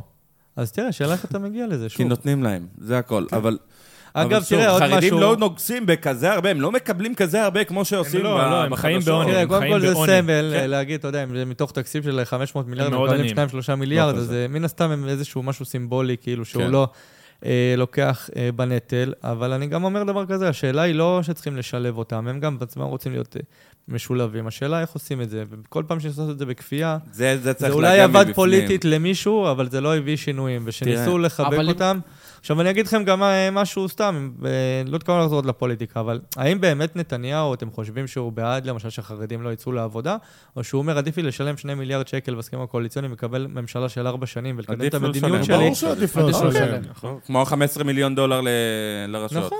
אז, אה, אז אלה הדברים, זה. ההבדל בין הריאל אבל- פוליטיק אין- אבל תראה אין שהוא... ספק שהדת חייבת לעבור מודרניזציה, ואנחנו רוא- מתחילים לראות את זה יותר ויותר דתיים ויותר ויותר חרדים ברשתות החברתיות, כמו מלך, ויש עוד המון אנשים ש, שמנגישים שהם הופכים להיות יותר מודרניים, הם לא יכולים להישאר בימים החשוכים מאחורה. אתה רואה את זה אבל הרבה אצל הערבים. רגע, העולם משתנה, גם. העולם משתנה, והם חייבים להשתנות ביחד עם העולם, גם אם זה אומר הלכות דרבנן, הם חייבים, עת- עתידם להשתנות. אי אפשר להישאר ככה. תשארו עם הלכות מדאורייתא, יש מצב שהלכות דרבנן חייבות להשתנות. הבעיה זה בריבוי דעות. אין, אין באמת דעה אחת בעולם, אנחנו לא ניכנס לדת, אין באמת דעה אחת בדת, אבל uh, זה גם יוצר את, את הקרע. הם לא, הם לא מעוניינים להתקדם כי טוב להם איפה שהם, ב- בעמדות הכוח. אבל זה מתחיל לך גם, אה, תחשוב, נלך קצת אחורה, אבל תסתכל על הנוסח של התפילה. יש לך תפילה לנוסח אשכנזי, בנוסח תימני, בנוסח כן. מזרחי, בנוסח אתיופי, בנ- בנוסח יהודי. בנוסח כזה כן. וכזה וכזה. אז זה-. פה זה- פה זה מתחיל בעצם, תראה, פה זה רוצה, הקרע. אני רוצה, אנחנו לקראת הסוף, אני פילוג. רוצה, דיברנו המ- המון על פוליטיקה, וסרמן בהחלט בן אדם מעניין. אני. רציתי גם לשאול אותך על ה... אתה היית באוקראינה, כן. בזמן המלחמה. דבר ראשון. בוא, תספר כאילו את הרגשות שלך, פחדת, לא פחדת, למה בכלל הגעת לשם, כולנו מבינים כן, למה, זה- אבל אה, מה יצא, מה ראית, תספר לנו חוויות. אז זהו, קודם כל אני אחזור במשפט אחד על ישראל, בגלל שבשנה וחצי האחרונות הייתי המון במזרח אירופה, אז uh, באמת אני אומר שוב, יש לנו במה להתגאות. יש שם תפיסות עולם אחרות, מנטליות אחרת. אתה לא חושב שזה השתנה, אבל וגם הם, הם היו מאוד... אה, ה... בוא נדבר רגע על הצרכנות שם לצורך העניין, שתדע למה הם... אה, זה. המחירים שם אותם מחירים והמשכורות שם הרבה פחות משלנו. איך הם מצליחים? כי הם קונים את השניים, שלושה דברים שהם צריכים. והם הולכים לסופר אפילו פעמיים, שלוש בשבוע. הם לא כן, יפוצצו עגלות בגלל כן. התחושה יודע? הגלותית שמחר הם אה, זה. כן. הם גם יותר דעתנים, הם יוצאים לרחוב, הם נלחמים. בדיוק. אתה יודע שההולנדים הולכים כל יום לסופר וקונים... זה לא לא. דעתנים, את זה. רק- ישראלים ואמריקאים, בגלל אני חושב, מפוצצים עגלות. צודק. כשאתה מדבר על מזרח אירופה. הייתי רוצה. שגם תתייחס לקטע של אה, מקומות מאוד מאוד אנטישמיים, כמו אוקראינה, שכיום הם מאוד פרו-ישראל. תראה, זה לא נכון להגיד שהם. פרו-ישראל, ואני תכף אגע. בנקודות, אבל זה מה שאני רוצה להגיד לכם. קודם כל, אני, מה שאני באמת אה, שמח, כמו שאמרתי לכם, זה לא שיש לנו, את המדינה שלנו היא דעתנית, אבל היא לא מספיק הייתה אקטיבית. בגלל זה אני שוב מברך את המחאה מימין, את המחאה משמאל, את התמיכה ברפורמה, כי זה יוצא שיח. לגבי מזרח אירופה, תראו, מה שקורה זה דבר כזה. כמו שאנחנו מדברים על השילוב, אז אה, היינו שם הנסיעה, אה, שר החוץ, אלי כהן, נסע לפגוש את אה, זלינסקי ואת אה, שר החוץ שם. זה בעייתי לבן אדם שקוראים לו אלי כהן, זה ממש בעייתי. ועוד הוא שר החוץ. כן, זה ממש בעייתי. אתה אומר, היה מישהו כזה כבר. בסדר, זה. שם- זה שם גנרי. הוא יש לעולם- לך- יש הוא לך עוד לעולם 50 לא יופיע ראשון בגוגל. יש- לעולם. יש לך לא עוד משנה. 50 אלי כהן, זה השם הכי גנרי שיש. היה מישהו היום. כזה כבר. אז אה, נסענו שם לאוקראינה, ותראו, חוץ מזה הייתי בלטביה, והייתי בליטא, והייתי בפולין, והכל בשנה וחצי האחרונה. אז קודם כל קורה שם כמה דברים. אה, נתחיל דווקא למשל אה, מלטביה. עשיתי איזה כתבת מגזין, היה 100 שנה עכשיו לארגון אה, בית"ר, ז'בוטינסקי וכולי, והכל שם ממלא בדגלי אה, לטביה, אבל גם בדגלי אוקראינה. ויותר משהם אוהבים את אוקראינה, וסוד הם לא, אה, שונאים את כאילו, רוסיה. סוד הם לא.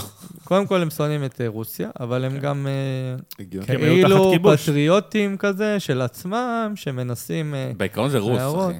זה רוס. זה רוסיה. לא. הבלטיות לא. לא, אה, לא, לא לא. הבלטיות. כן, יש סליחה, משפט שם זה- שאומר שבשביל להגיע, אתה יודע, לשאר החלקים, אז הרוסים יעברו דרך הבלטיות. זאת אומרת, הם חיים בתחושה, הם ממש, עד עכשיו, לפני נגיד אה, חצי אנחנו שנה, הם. הם חיו את הטלגרם ואת הפייסבוק ואת הוואטסאפ וכל מה שקורה במלחמה, ואז הם אמרו לי, בשיחות שלי, אנחנו רגע לקחנו צעד אחורה. כי אתה לא יכול לחיות כל היום בתחושת הפחד אה, ו- והחרדה הזאת. עכשיו, הם מאוד לא אוהבים את האוקראינים, אבל הם מבינים שקודם כל האוקראינים זה השער אליהם מהבחינה הזאת, כי היה ופוטין היה מצליח שם במה שהוא רוצה, הוא כנראה היה ממשיך אה, להתפשט כן. כן. לשם. אבל מעבר לזה, אה, אותו דבר לגבי היהודים, הם לא מתים על היהודים, אתה מרגיש את זה. אני אתן לכם דוגמה, אני? אמרתי לכם, חולה כדורגל, אז הלכנו למשחק בליגה הלטבית, ריגה נגד איזו קבוצה אחרת, ובא שם איזה בחור, והיה איתי בחור שהוא חובש כיפה, והוא עשה לו סימן של הידיים של כסף, כאילו, אתה יודע, דברים כאילו... יענו כאילו, אתה חייך יודע. לו, עושה לו. מי עשה? אחד מהאוהדים שם, האחרים, כאילו, ו... כי זה התדמיות, אז עושה לו כזה. אי אפשר נכון. להדגים את זה כל כך אתה יודע, מצולם. זה מצחיק, אבל זה עצוב. אבל גם הוא אוהב כסף, גם. אותו אוהד אוהב כסף, הוא לא יכול להגיד שלא. אז ברור. זה ברור שאתה יודע, אבל זה היינו סטיגמה. ב- ב- בקרקוב, הייתי שם, שהיה איזה מפגש של הנשיאים, שזה עיר מתקדמת יחסית. ויש שם דוכנים, אתה יודע, עם החרדים, הזקן, גם אוקיי, אוקיי, פה אז אני. עוצר אותך, אני עוצר אותך. זה, אני גם התעצבנתי מזה, אני עשיתי מחקר. עכשיו, זה הרבה בורות. רבותיי, זה סגולה. סגולה הם ובורות. קונים את זה בשביל שיהיה להם יעני... זה מאוד- כן. זה מאוד אנטישמי, אבל זה לא מכוונה אנטישמית. הם קונים את הפסל של היהודי כדי שיהיה להם כסף, כי זה סגולה שמביאה כסף לדעתם. מה? באמת. כן, אז קודם כל זה סגולה לכסף, כי היהודים מקושר עם כסף. דבר שני, יש בזה הרבה בורות, כאילו, מפעם, ו... וואו. אבל מה שאנחנו מנסים לעשות לפחות, בסאבטקסט, זה כביכול לדמות את זה. הנה, אתם רואים, כמו שרוסיה על הדלת שלכם, הם נמצאים לא הם כהם, אבל כביכול, הנה, תראו את הסורים, תראו את החיזבאללה, תראו את חמאס. אנחנו כאילו רוצים להתקרב למערב, מה שאוקראינה רצו כאילו להיכנס לנאטו, אנחנו רוצים להיות במערב, הם רוצים לקחת אותנו אחורה. אנחנו רוצים לקדמה, הם רוצים לקחת אותנו אחורה. אז כביכול מנסים לייצר איזושהי שותפות אה, גורל כזאת. עכשיו תראו, הם מהצד השני, אותנו לקחו למשל לבוצ'ה, היה שם איזה טבח, לקחו אותנו לבאבי יאר. בוצה זה לא לסבית גדולה? יש כאלה, אתה מבין? אתה- יותר מדי בטיקטוק, אחי. תקרא עיתון, אתה רואה מה אני אומר? אה, יש שם בורות ירי בבאבי יאר. נכון, אז הם כאילו היום מנסים להקביל בין אה, שואת היהודים לבין מה שהרוסים עושים ל- לאוקראינים. שזה לא נכון. ושוב נחזור, גם בעינינו זה באמת לא... האוקראינים היו לא מאוד נכון, להשוות. אכזריים. אבל המשפחה גם... שלי משם. כן, אבל גם תראו, זה כמו שדיברנו, ריאל אה, פוליטיק לצורך העניין. למה אנחנו לא הרבה יותר מזדהים היום עם האוקראינים? כי הם כביכול עוברים משהו שאנחנו אולי אה, דומה לפי הגבלה שלהם. כי אתה מבין ש... אפילו לא. לשחרר איזה טיל אחד בטעות בסוריה על איזה פעולות ש- עלומה שאתה עושה, ואנחנו אחר כך בלי... אף אחד לא רוצה לריב איתו גם. העניין נכון, בדיוק. ואז אומרים, רגע, אבל אתה לא ליברלי, ואנחנו שעברנו את השואה, למה אנחנו לא שמה, ואנחנו לא יותר תומכים בהם, ואנחנו אני מבינים לא כל מה חושב שצריך לתמוך בהם. אבל אתם, הוא- אתם, אתם מודעים לזה שסופו של פוטין זה יהיה על כן. הגרדום ב, במוסקבה, בכיכר. השאלה. אם לא יודע, את לא רוסיה כמו יתר על המידה. מוסוליני, כל, אלה, אותו דבר. השאלה אם ערכנו את רוסיה יתר על המידה, שכאילו הם חזקים מאוד, אבל הם לא חזקים כמו לא, שחשבו. אז איתי אנגל אמר משהו פעם אחת, הרוסים הביאו אותם, הם מאוד מפוזרים, והביאו אותם והבטיחו להם כסף והכול, הם לא נלחמים באמת בעד רוסיה. האוקראינים יודעים. למה הם נלחמים, הם נלחמים. על הישרדות. זאת הייתה הפתעה שם קודם כל, אמ, שהם היו מעטים, אבל הם היו יותר עם רוח אה, קרב. נכון. בטח. יכול להיות שהם באמת עשו הערכת חסר, אבל לפחות, אתה יודע, מבחינת המערב, אה, הם לא הפתיעו ברמת ההתערבות. אף אחד לא ציפה. ודווקא, לא- לאו דווקא האמריקאים, בהתחלה הגרמנים מאוד עזרו, והצרפתים בדרכם עזרו. אבל זה איזושהי זה. התגייסות. למה כבר לא להיכנס לשם ושהמדינות עצמם יילחמו? חכה, חכה השבוע ל-2025. שעבר לא, צחקנו- זה לא יקרה. אתה יודע, התחילו לצחוק לא. ב- בקרב. הכתבים, שמרוב שחימשו כבר את אוקראינה, הם בסוף יכבשו את רוסיה. מה יקרה? וואלה, יש מצב טוב. אז, אה, אתה מבין?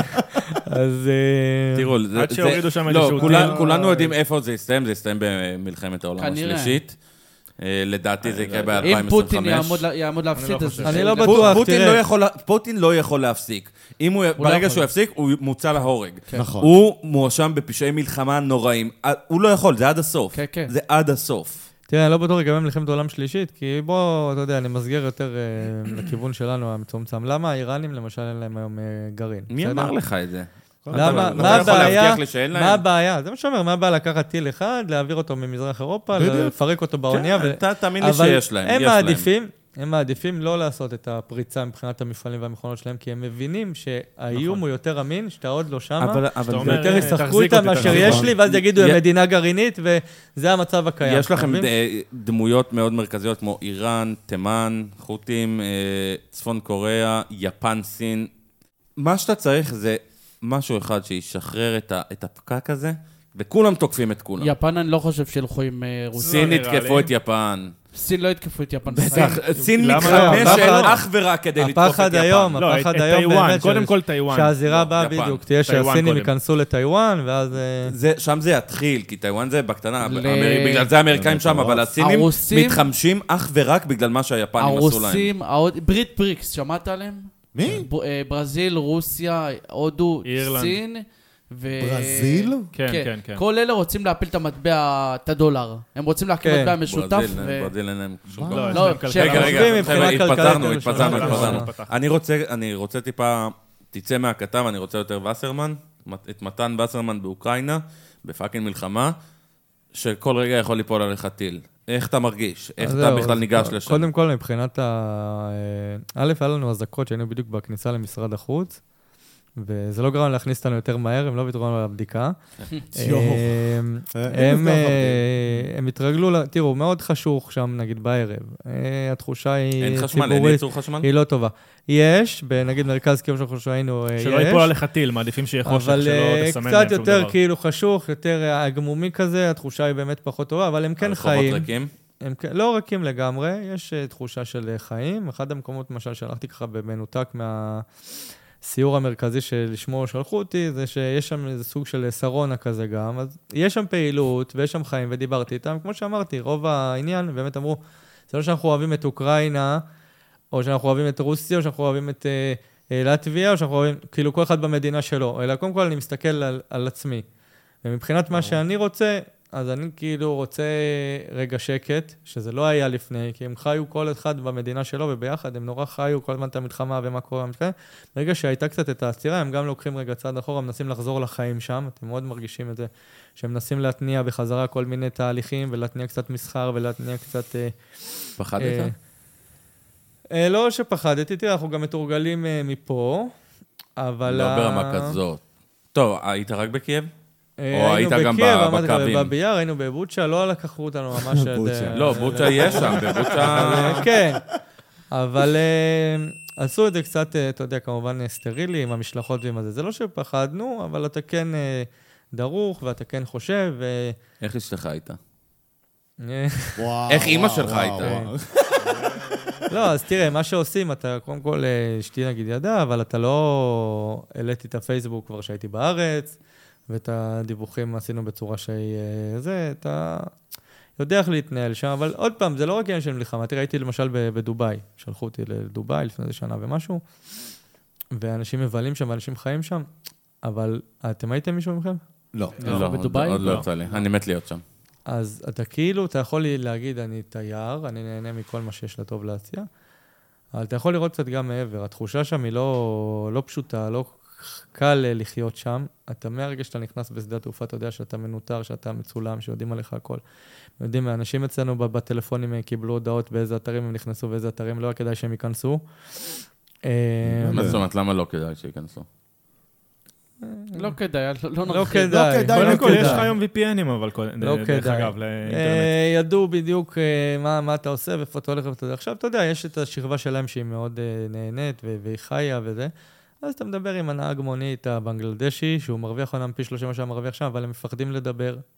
ברור. אז השאלה איפה אתה כאילו רוצה, זה תפאורה הכל זה שם, ממה. שהבנתי. רוצה לחיות. זה כאילו... כמו קטר, נו. כמו שמע, שהיה כמו- בקטר. כמו שיש יש לך שם טיולים. מאורגנים לצפון קוריאה. התחלתי כאילו, דבר. אה, מרוב שהתלהבתי, אז אף פעם לא, אין לי תכשיטים ושעונים זה, התחלתי עם המחזיקי מפתחות לפני לדעת שאני טס, אז כל כך התלהבתי, אתה יודע, מהאקספו ומהיופי, עשיתי איזה מחזיק מפתחות כזה קטן של האקספו, והתחלתי עם זה. יכול להגיד לך שהם במקום אה, מדהים מבחינת מדינה, אבל האם לתושבים כאילו אה, טוב שם, אני לא בטוח. ואז זה כאילו הדיסוננס, דיברתם על המדינה, על היוקר, אז אה, קודם כל, איך אנחנו מקום עשירי בעולם, ואנחנו כל הזמן מתלוננים. אז גם מקום שאין בו באמת חופש, אז הוא מקום שהוא לא כל כך אה, אה, שמח לדעתי בתפיסת העולם אה, שלי. ואתה רואה שהאוקראינים הם גם שזה מלחמה, אני חושב שזה שהם נלחמו על החופש שלהם והם הרימו את הדגל והם הלכו על החירות שלהם, הם היום אנשים יותר מאושרים מבחינת מדינה עם המלחמה. כי אומרים, שילמנו מחירים, אבל נלחמנו באמת על העצמאות שלנו וההתנתקות שלנו, אנחנו באמת רוצים להיות ב... בקטע. הזה של המערב. עכשיו אני רוצה להגיד לך הפוך, כמו שדיברנו אה, חרדים וערבים, אה, בואו תסתכלו רגע על פוטין מ- מזווית אה, אחרת, בסדר? אנחנו מדברים שם עם התקשורת הרוסית, רואים את ה... איך הוא חווה את זה, שאוקראינה אומרת, אני מצטרפת לנאטו, אוקיי? ואתה אומר, הדמגוגיה והנאצים החשובים, זה לא... הוא אומר, אוקראינה הולכת להצטרף לנאטו. יש טילים כבר בפולין, ראינו את ה... בפולין את הפטריוטים שם מוכנים וזה. ואז אומרים, אנחנו עוד מעט נגיע לאוקראינה, זה כבר הגבול שלו, ואנחנו נגד פוטין. ואז מחר בבוקר פוטין אומר לעצמו, רגע, אם אתם תצטרפו לנאטו, אז אני אה, אתקוף. אם אתם תעשו ככה וככה, אז אני אתקוף. ושאתה כביכול, בזה, אתה יכול להגיד את זה מעוות שלו, אבל בתפיסת העולם שלו, מה שהוא טען, שהוא אמר, אם אתם תעשו ככה וככה זה יקרה, או מבחינתו אומר, זה קרה. זאת אומרת, הם עשו את המהלך של להצטרף אה, לנאטו, הם קיבלו תמיכה מאמריקאים, הציבו, לעצמו, כאילו, הציבו. טילים בפולין. אה, אז הוא אומר, אני מבחינתי מגן האומה הרוסית, כי ברור. מה שאני טענתי שיקרה, העובדה שקורה בצד שלו, ועכשיו אנחנו שוב, יש להם אידיאולוגיה שהיא מאוד מאוד אה, שונה מהאידיאולוגיה שלנו, מהתפיסה שלנו המערבית. אבל הוא מבחינתו, הוא לא אומר, אני טועה, ואני יודע שאני טועה, ולכן אני נלחם. הוא אומר, אני, מהזווית העין שלי, יש פה השתלטות מערבית על, ממש על הגבול ליד הבית שלי, ואם אני לא אעצור את זה, אז אנחנו, אה, רוסיה ה- בסכנה. כן. ואנשים בתוך אה, רוסיה, כן, יש חלק עובדה שתומך בו. עכשיו, קח את אה, ברור. טורקיה כמדינה. הנה, אתה אומר על ארדואן. האם באמת, הנה, היה בחירות, למה אתה חושב שבאמת זויף בכזה קנה מידה אה, משמעותי? לא. אז בגלל זה אני אומר, אנחנו לא תמיד חיים את אותן השקפות, אותן תפיסות כמו אנשים אחרים, אבל כנראה שהם יודעים, בסופו של דבר, אה, מה הם עושים, וכנראה שיש שכבה ברוסיה, למשל, שמאוד נהנית מהשלטון שלו, והיא כנראה יודעת להחזיק את הדברים בצורה אה, מסוימת. אותו דבר אה, באוקראינה, מאוד לא היו מרוצים מזלנסקי לפני המלחמה, ופתאום המלחמה הזאת פתחה אותו להיות אה, דמות אה, אחרת וחדשה כן. לגמרי. נכון. ואם אתם שמתם אנשים לב לא להתבטאות נבחר ה- בכלל. הוא הביבי המעניינת, שלהם. אם אתם שמים לב להתבטאות המעניינת. שהייתה אתמול, שכאילו, יש הרי אז בזמנו עם לברוב וכל זה, ואמרו יש אה, מאוד אנטישמיות בצמרת הרוסית, ופתאום אה, פוטין אומר, אה, זה לא אנטישמיות, זלנסקי הוא לא יהודי. הוא- קודם כל, אז הוא לא יגיד, אני לא... הוא לא באמת יהודי. אומר, הוא לא יהודי, הוא לא באמת יהודי. יש לי אולי חברים זה שסבא יהודים. רבא שלו היה יהודי... אה, הוא אומר, יש לי לא חברים כזה יהודים, הוא לא יהודי. הוא לא יגיד לכם, אני טעיתי בהתבטאות, כן. או. כי הוא בכל זאת בתוך משחק פוליטי, אבל הוא מבין שהוא גם צריך לשמור על כללי זה המשחק. כי אנחנו שחקן מה ש- חזק, וזה מה זה. שאני חושב, שלא רק שאנחנו אה, שחקנים, אלא שכמו שאתה אומר, עוד מעט תהיה מלחמת עולם, אני חושב שיש יותר מדי אה, רווח והפסד כרגע בשביל אה, לשנות את הדברים בצורה שהיא תלך לצורה שהיא אה, קיצונית ברמה שתהיה פה אה, אה, מלחמה. ברור, כי זה יתפוצץ. עדיין זה ינסו רגעי, לשמר. זה פתאום קורה. אתה מבין, יש אתה לא יותר יכול מדי להתכונן. אינטרסים כאילו לש... אז מה שפוטין אומר, זה לא היה רגעי, אני הזהרתי תקופה, לעשות מה שעשות. אתה מסכים ו- שפוטין לא יכול לחזור אחורה? הוא לא יכול להפסיק. הוא לא יכול להפסיק, נקודה. זה יסתיים או בניצחון שלו, או במוות שלו. וזה גם יסתיים, וזה גם ייקח עוד. כמה שנים, המלחמה. זהו, אז זה מה שאני רוצה הזאת להגיד. זה הולך- 2025, אנשים חושבים שזה דברים. אתה מבין, אנשים חושבים שזה משהו מ- מיידי. יכול להיות שהוא ימשיך עוד כמה שנים. לא, אני אומר מלחמת עולם ש- זה משהו מיידי. שמישהו יחליף אותו באיזושהי צורה ככה יותר אה, עדינה. אנחנו לא בדיוק יודעים אה, מה יהיה, אבל מה שאנחנו אה, כן יודעים כרגע, שהמבוי סתום הזה, זה לא משהו שמישהו צפה אותו לפני שנה או לפני שנתיים. חשבו כן. שתהיה הכרעה רוסית מאוד מהירה, או שאף אחד לא נתן, אף אחד כאילו... לא ציפה למה שקרה. כן, אף אחד לא נתן אף צ'אנס אחד. לאוקרא- לאוקראינה ב- בנושא מה הזה. ותראו כל כמה הכבוד זה. להם, כל בסופו- הכבוד בסופו להם. של דבר, הנפש. הלב מנצח. הכל. בטח, בטח. חבר'ה, לפני שאני אשאל את אה, שאלות הסיום, רגע, אה, יש לכם שאלות. שאלות? כן, יש לי שאלות. אז מתן, השאלות. כן. מתן, שאלה, אה, אני רוצה לחזור קצת אחורה. אמרת שהיה קבוצת כדורסל מגוש קטיף. עכשיו השאלה, אם הם מפסידים, הם מסרבים לפנות את המגרש? זו השאלה הראשונה. אה, אתה יכול לשאול אם יש שם טייסים שלא... מה הם עושים אם הם גם טייסים והם גם צריכים... אה, אם אני חוזר אחורה, אם אני אה, חוזר... וגם זה אגב אחורה? השבר. אחורה? אם אני. חוזר אחורה לעניין של הפוליטיקה של ה... כן. אמרת אג'נדה, ש- ש- שגוש קטיף פונה, הבנת שהאג'נדה של אריאל שרון, כאילו, אתה מבין? זה כמו שאם אני אעשה הסבה כאילו לספורט, האוהד לא יודע מה, מה המנהל המקצועי חושב, אתה מבין? המנהל המקצועי רואה אחרת מהאוהד. האוהד מאשים, אותו דבר. בדיוק, ברור. וה- והמנהל המקצועי, נגיד היום במכבי חיפה. כך בדיוק, מה שקורה שאומרים במכבי ש- חיפה. שהנה, זה וזהו זה וזהו זה, ואלברמן לא עושה כלום. אבל שוב, אתה לא יכול... כשמכבי חיפה, האוהדים ירו והביאו מה שהאוהדים רצו, מכבי חיפה נכשלה טוטאלית, ועשר נכון. שנים נכשלנו. נכון. נכון? בשביל ופתאום... זה יש מי שקובע, והוא גם משלם בדיוק. בעזרת. השם, אתם תיכשלו עוד. אז ככה עם אריאל שרון, יכול להיות שגם אנחנו, האזרחים, לא ראינו... אז זה מה שאני אומר, יש את הריאל, אה, במקרה של הפוליטיקה ריאל פוליטיק, במקרה של הספורט, תראה, עם אסא אידגו, יש הרבה ויכוחים והרבה זה, אבל בסופו של דבר אני אומר, אני תמיד שם עליי את הקטע הממלכתי, צריך לתמוך בקבוצה, ולראות לאן זה, זה הולך. אין לנו ברירה גם, כי אני לפעמים אומר, יש הרבה ויכוחים, אתה יודע, אני לפעמים הולך, ואתה הולך ברחוב, אתה רואה שניים בבית קפה מתווכחים על איזה משהו, וזה כאילו לפעמים מיותר, אתה מבין? כי איפה שאתה לא יכול, אני אומר, עדיף שתלך להתווכח במקום שאתה משפיע, כן. מאשר לעשות את השיחות האלה בבית קפה. תצאו החוצה ותיאבקו ותילחמו, אם אתם ימין, אם אתם שמאל, אם אתם נגד, אם אתם בעד. כי אני חושב שבסופו של דבר זה יצא, יצא טוב מהדבר הזה. אתה אני לא יודע אם תהיה רפורמה. לא תהיה רפורמה. לגמרי. ככל הנראה לא יהיה שום דבר בסוף. אבל ההשמעה הזאת של, ה, של הקול, זה האוקראינה שלנו לצורך העניין. זה מדינת ישראל נאבקת פה על הזהות שלה, ומסתכלת שנים קדימה לאן היא רוצה ללכת, ולכן אה, יצא פה תהליך שהוא אה, מבורך בסופו של כמו דבר. אז שעם ויקי אבל כנפו, אנחנו אתה לא- אנחנו זוכר לא נגמור שיצא עם חוקה פה. ו... וואו, אל תגיד לה... אה. הוא לא אוהב את ויקי כנפו. למה? היום הוא אוהב אותה. לא, זהו, זה היום יותר אני מבין את הדבר הזה, אבל אתה יודע, זה... אני לא הייתי קונה סיגרת ותובע את השיער שאין לי את הכסף ל... אבל זה אני, כאילו. בסדר. מתן, אה, רגע, רגע, יש לי כן, עוד. כמה שאלות. שקשורות לעולם יש לנו זמן, הכדורגל. חברים, אל. תדאגו. אה, טוב, יש לי שאלה שאנחנו כמעט שואלים, נראה לי אני ובן הרבה כאילו חברים, כאילו, מי השחקן לפי דעתך הכי טוב בכל הזמנים שהיה? בכדורגל, בכדורגל.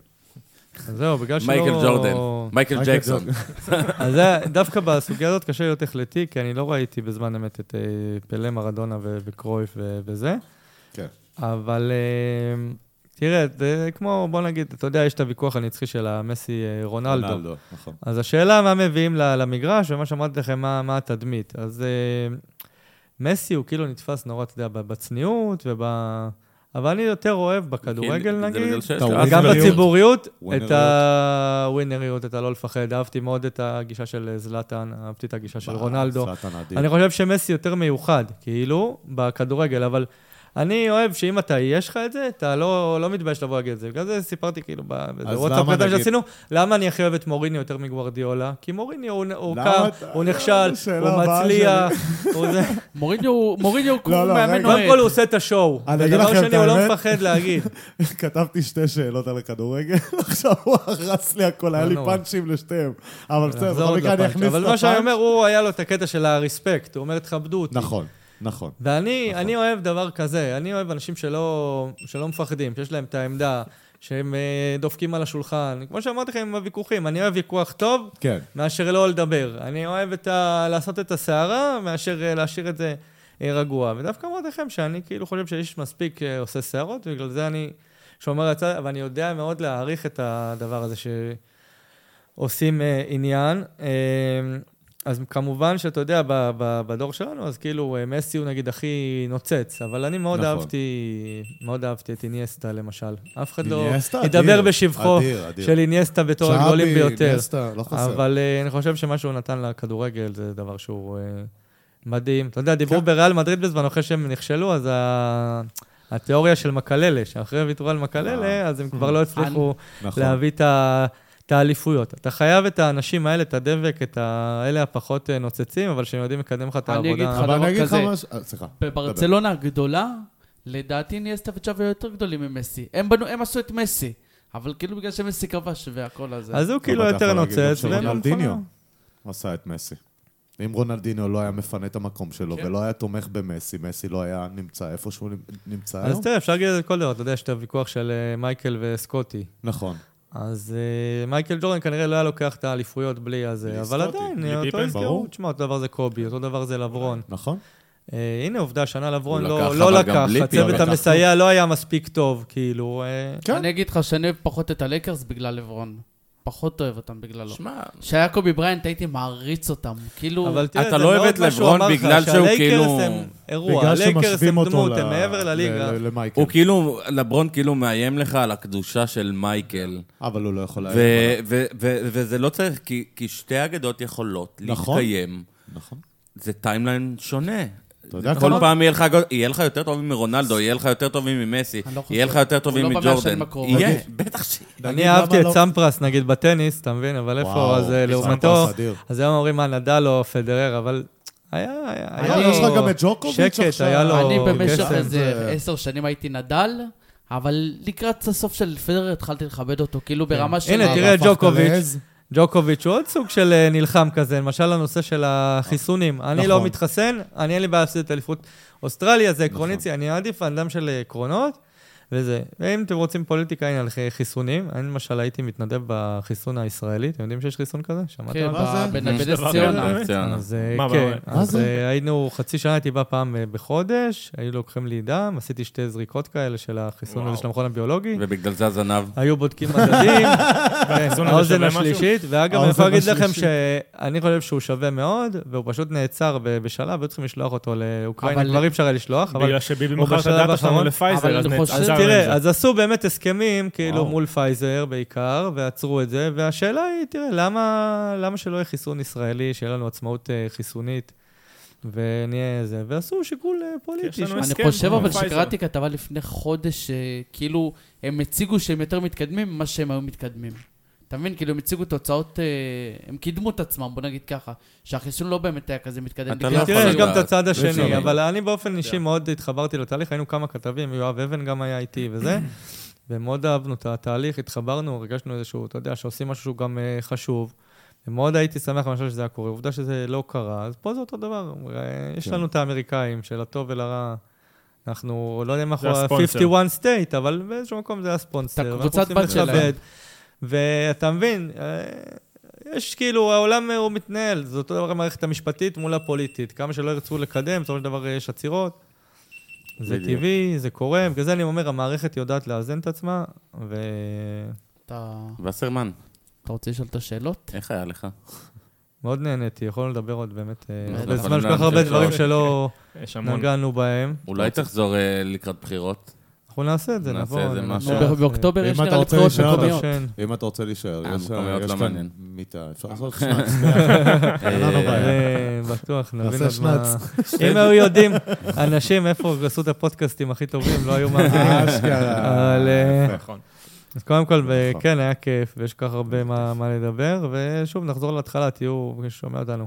קודם כל, תאזינו, תקליקו, אה, תקשיבו, חשוב. תעשו לייקים, תעשו לבבות באינסטה, זה עוזר, בסוף זה עוזר. מאוד, כן. החשיפה. כי נכון. כל מי שמרים אה. איזה מיקרופון זה, זה טוב וזה חשוב.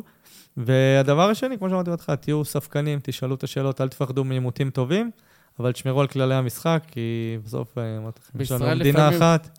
בישראל לפעמים עימותים טובים זה הוצאת סכין, או כיסא של כן. כתר.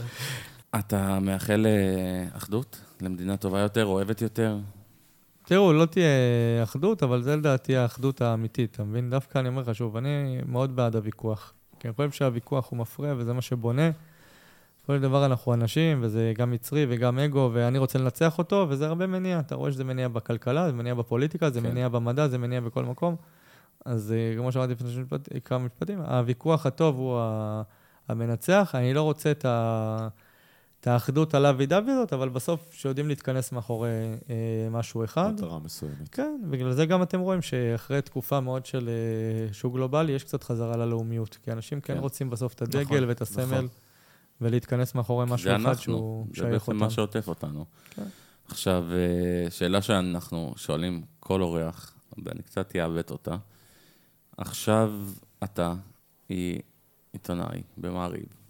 עיתונאי או עיתונאי? עיתונאי. עיתונאי. אתה יווני. מה אתה אומר? לא משנה באמת. עיתונאי במעריב, ובן אדם רוצה עכשיו לעשות אה, הסבה. דווקא לא, לא להתחיל, לעשות הסבה. נגיד אנחנו, עורכי דין, כן. רוצים לעשות הסבה, להתחיל אולי לכתוב כלכלי, אולי אה, אה, משפטי, להתחיל לכתוב. מה העצה שלך לבן אדם שרוצה לעשות את הדריסת רגל הראשונה בה, בעולם העיתונות? איך, איך אתה מציע לו להתחיל? מה יהיה הצעד הראשון מבחינתך? קודם כל, בדיוק ככה, ההתחלה. תראה, פעם היה את מעט כלי תקשורת, וזה היה מאוד ממוסד ומאוד היה קשה, וכמו שאמרנו מקודם, אתה פותח היום מצלמה, אתה פותח היום live, אתה יכול לעשות. קודם כל, השד הכי גדול זה אנחנו בתוך עצמנו. וזה לא רק בעיתונות, זה בכל דבר. אתה, יש לך את המאבקים האלה אצלך, אני לא מספיק טוב, אני לא מספיק שווה, אני לא יכול, איך יקבלו את זה, איך כן יקבלו את זה. קודם כל תעשו, אני אומר לך, אני פעם בשבוע, פעם בשבועיים, אנשים פונים אליי, אני רוצה לכתוב, אני אומר להם, בואו תכתבו, והם לא חוזרים אליי. לפעמים אני מזכיר להם מה קורה עם זה. כי השד הפנימי הזה הוא הדבר הכי אה, קשה. אז אתה אומר, אתה מבדיל בין הרצון לבאמת היישום. כן, אתה חייב קודם כל לקפוץ למים, לזרוק, לנסות. אין לך מה להפסיד, כי זה, זה, זאת האמת שלך, היא תצעק, אתה חייב לצעוק אותה. כן. אני, אני צועק את הדברים ש, ש, שמציקים לי, שכואבים לי, אני עושה את הבחירות שלי כל יום. אני אומר לכם, גם, ל, כמו שאמרתי לכם, לדווח, אבל שאני אלך לדיון א' ולא לדיון ב', שאני אלך לישיבה כזאת של הממשלה ולא לישיבה אחרת, זה גם אמירה. ת, תנסה לייצר את הדבר, קודם כל לזרוק אותו החוצה. אחר כך ת, לא תשפר. להתבייש בעצם. כן, איפה שהייתי בהתחלה, איפה שאני היום, זה, זה מסלול, זה דרך, זה כיוונים אחרים לגמרי. אני למשל, אה, כמו שאמרתי, התחלתי בכלל, אה, הייתי בתקופה במקומונים, אבל אחר כך הלכתי להיות עוזר אה, פוליטי, והייתי בטוח שמשם אני מתקדם בסולם. אחר כך פתאום היה איזושהי עצירה מסוימת, הלכתי לכ- לכיוון של התקשורת, אז עניין אותי מאוד טלוויזיה. עבדתי איזה שנה ומשהו בתוכניות דוקו ותחקיר בכאן. אחר כך הלכתי. להיות כתב משפט. יש הרבה מאוד דברים שלא דיברנו עליהם. אני בדרך כלל מכוון, מה שמעניין אותי עכשיו, אני עושה. זה, זה, ה, זה הדבר. להעז, לא, לא לפחד. אתה, אתה מעז, אתה לא. מתבייש, זה, כן. ככה יקראו גם ש- לפרק. אתה לא מתבייש, אתה לוקח את מה שאתה רוצה, אתה, אתה חותר למגע, איך חייב, שאומרים. אתה חייב. לחתור בדיוק, לחתור למגע, להעז, לא לפחד. תמיד יהיה את האנשים שאמרתי לכם, שיגידו זה לא טוב, זה כן טוב, ירדו עליך, יצחקו עליך, יגידו, אתה לא מבין. איך אני גם בוחן את עצמי שאני בדרך הנכונה? כי הכתבות היחידות שאני קורא את הטוקבקים, אני לא קורא טוקבקים באופן כללי, זה שאני אה, כותב על המשפט של אה, ביבי. למה? כי זה מבחינתי לקמוס. למה זה כזה חשוב? המשפט הזה דיברנו, כי זה מייצג הכל תקשורת ומדינה ופוליטיקה. בטוקבק הראשון יכול להיות כתוב אתה כלבלב של הפרקליטות, ובטוקבק השני אתה ביביסט. ואז אני אומר, משמע, זה קיצוני. כן, משמע, אני. הגעתי- למטרה שלי. אמרתי את האמת, שיקפתי, כי אם אחד חושב שאני שמה ואחד אומר שאני שמה, אז זה מצבי אומר שאתה כאילו באמצע. מעולה. וזה מה נכון. שאני אומר, לי, אני רוצה להיות באמצע, וזו בחירה, וזו בחירה לא קלה. הייתי אומר- יש על זה מחירים, הולך על חבל דק.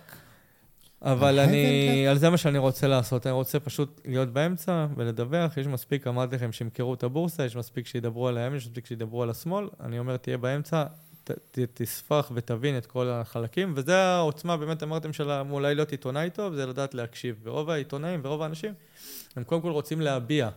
קודם כל רוצים להתווכח, קודם כל רוצים להוכיח. אני לא בא לנצח את הוויכוח. יש מספיק אנשים שיתווכחו, אני רוצה אה, לשקף על מה.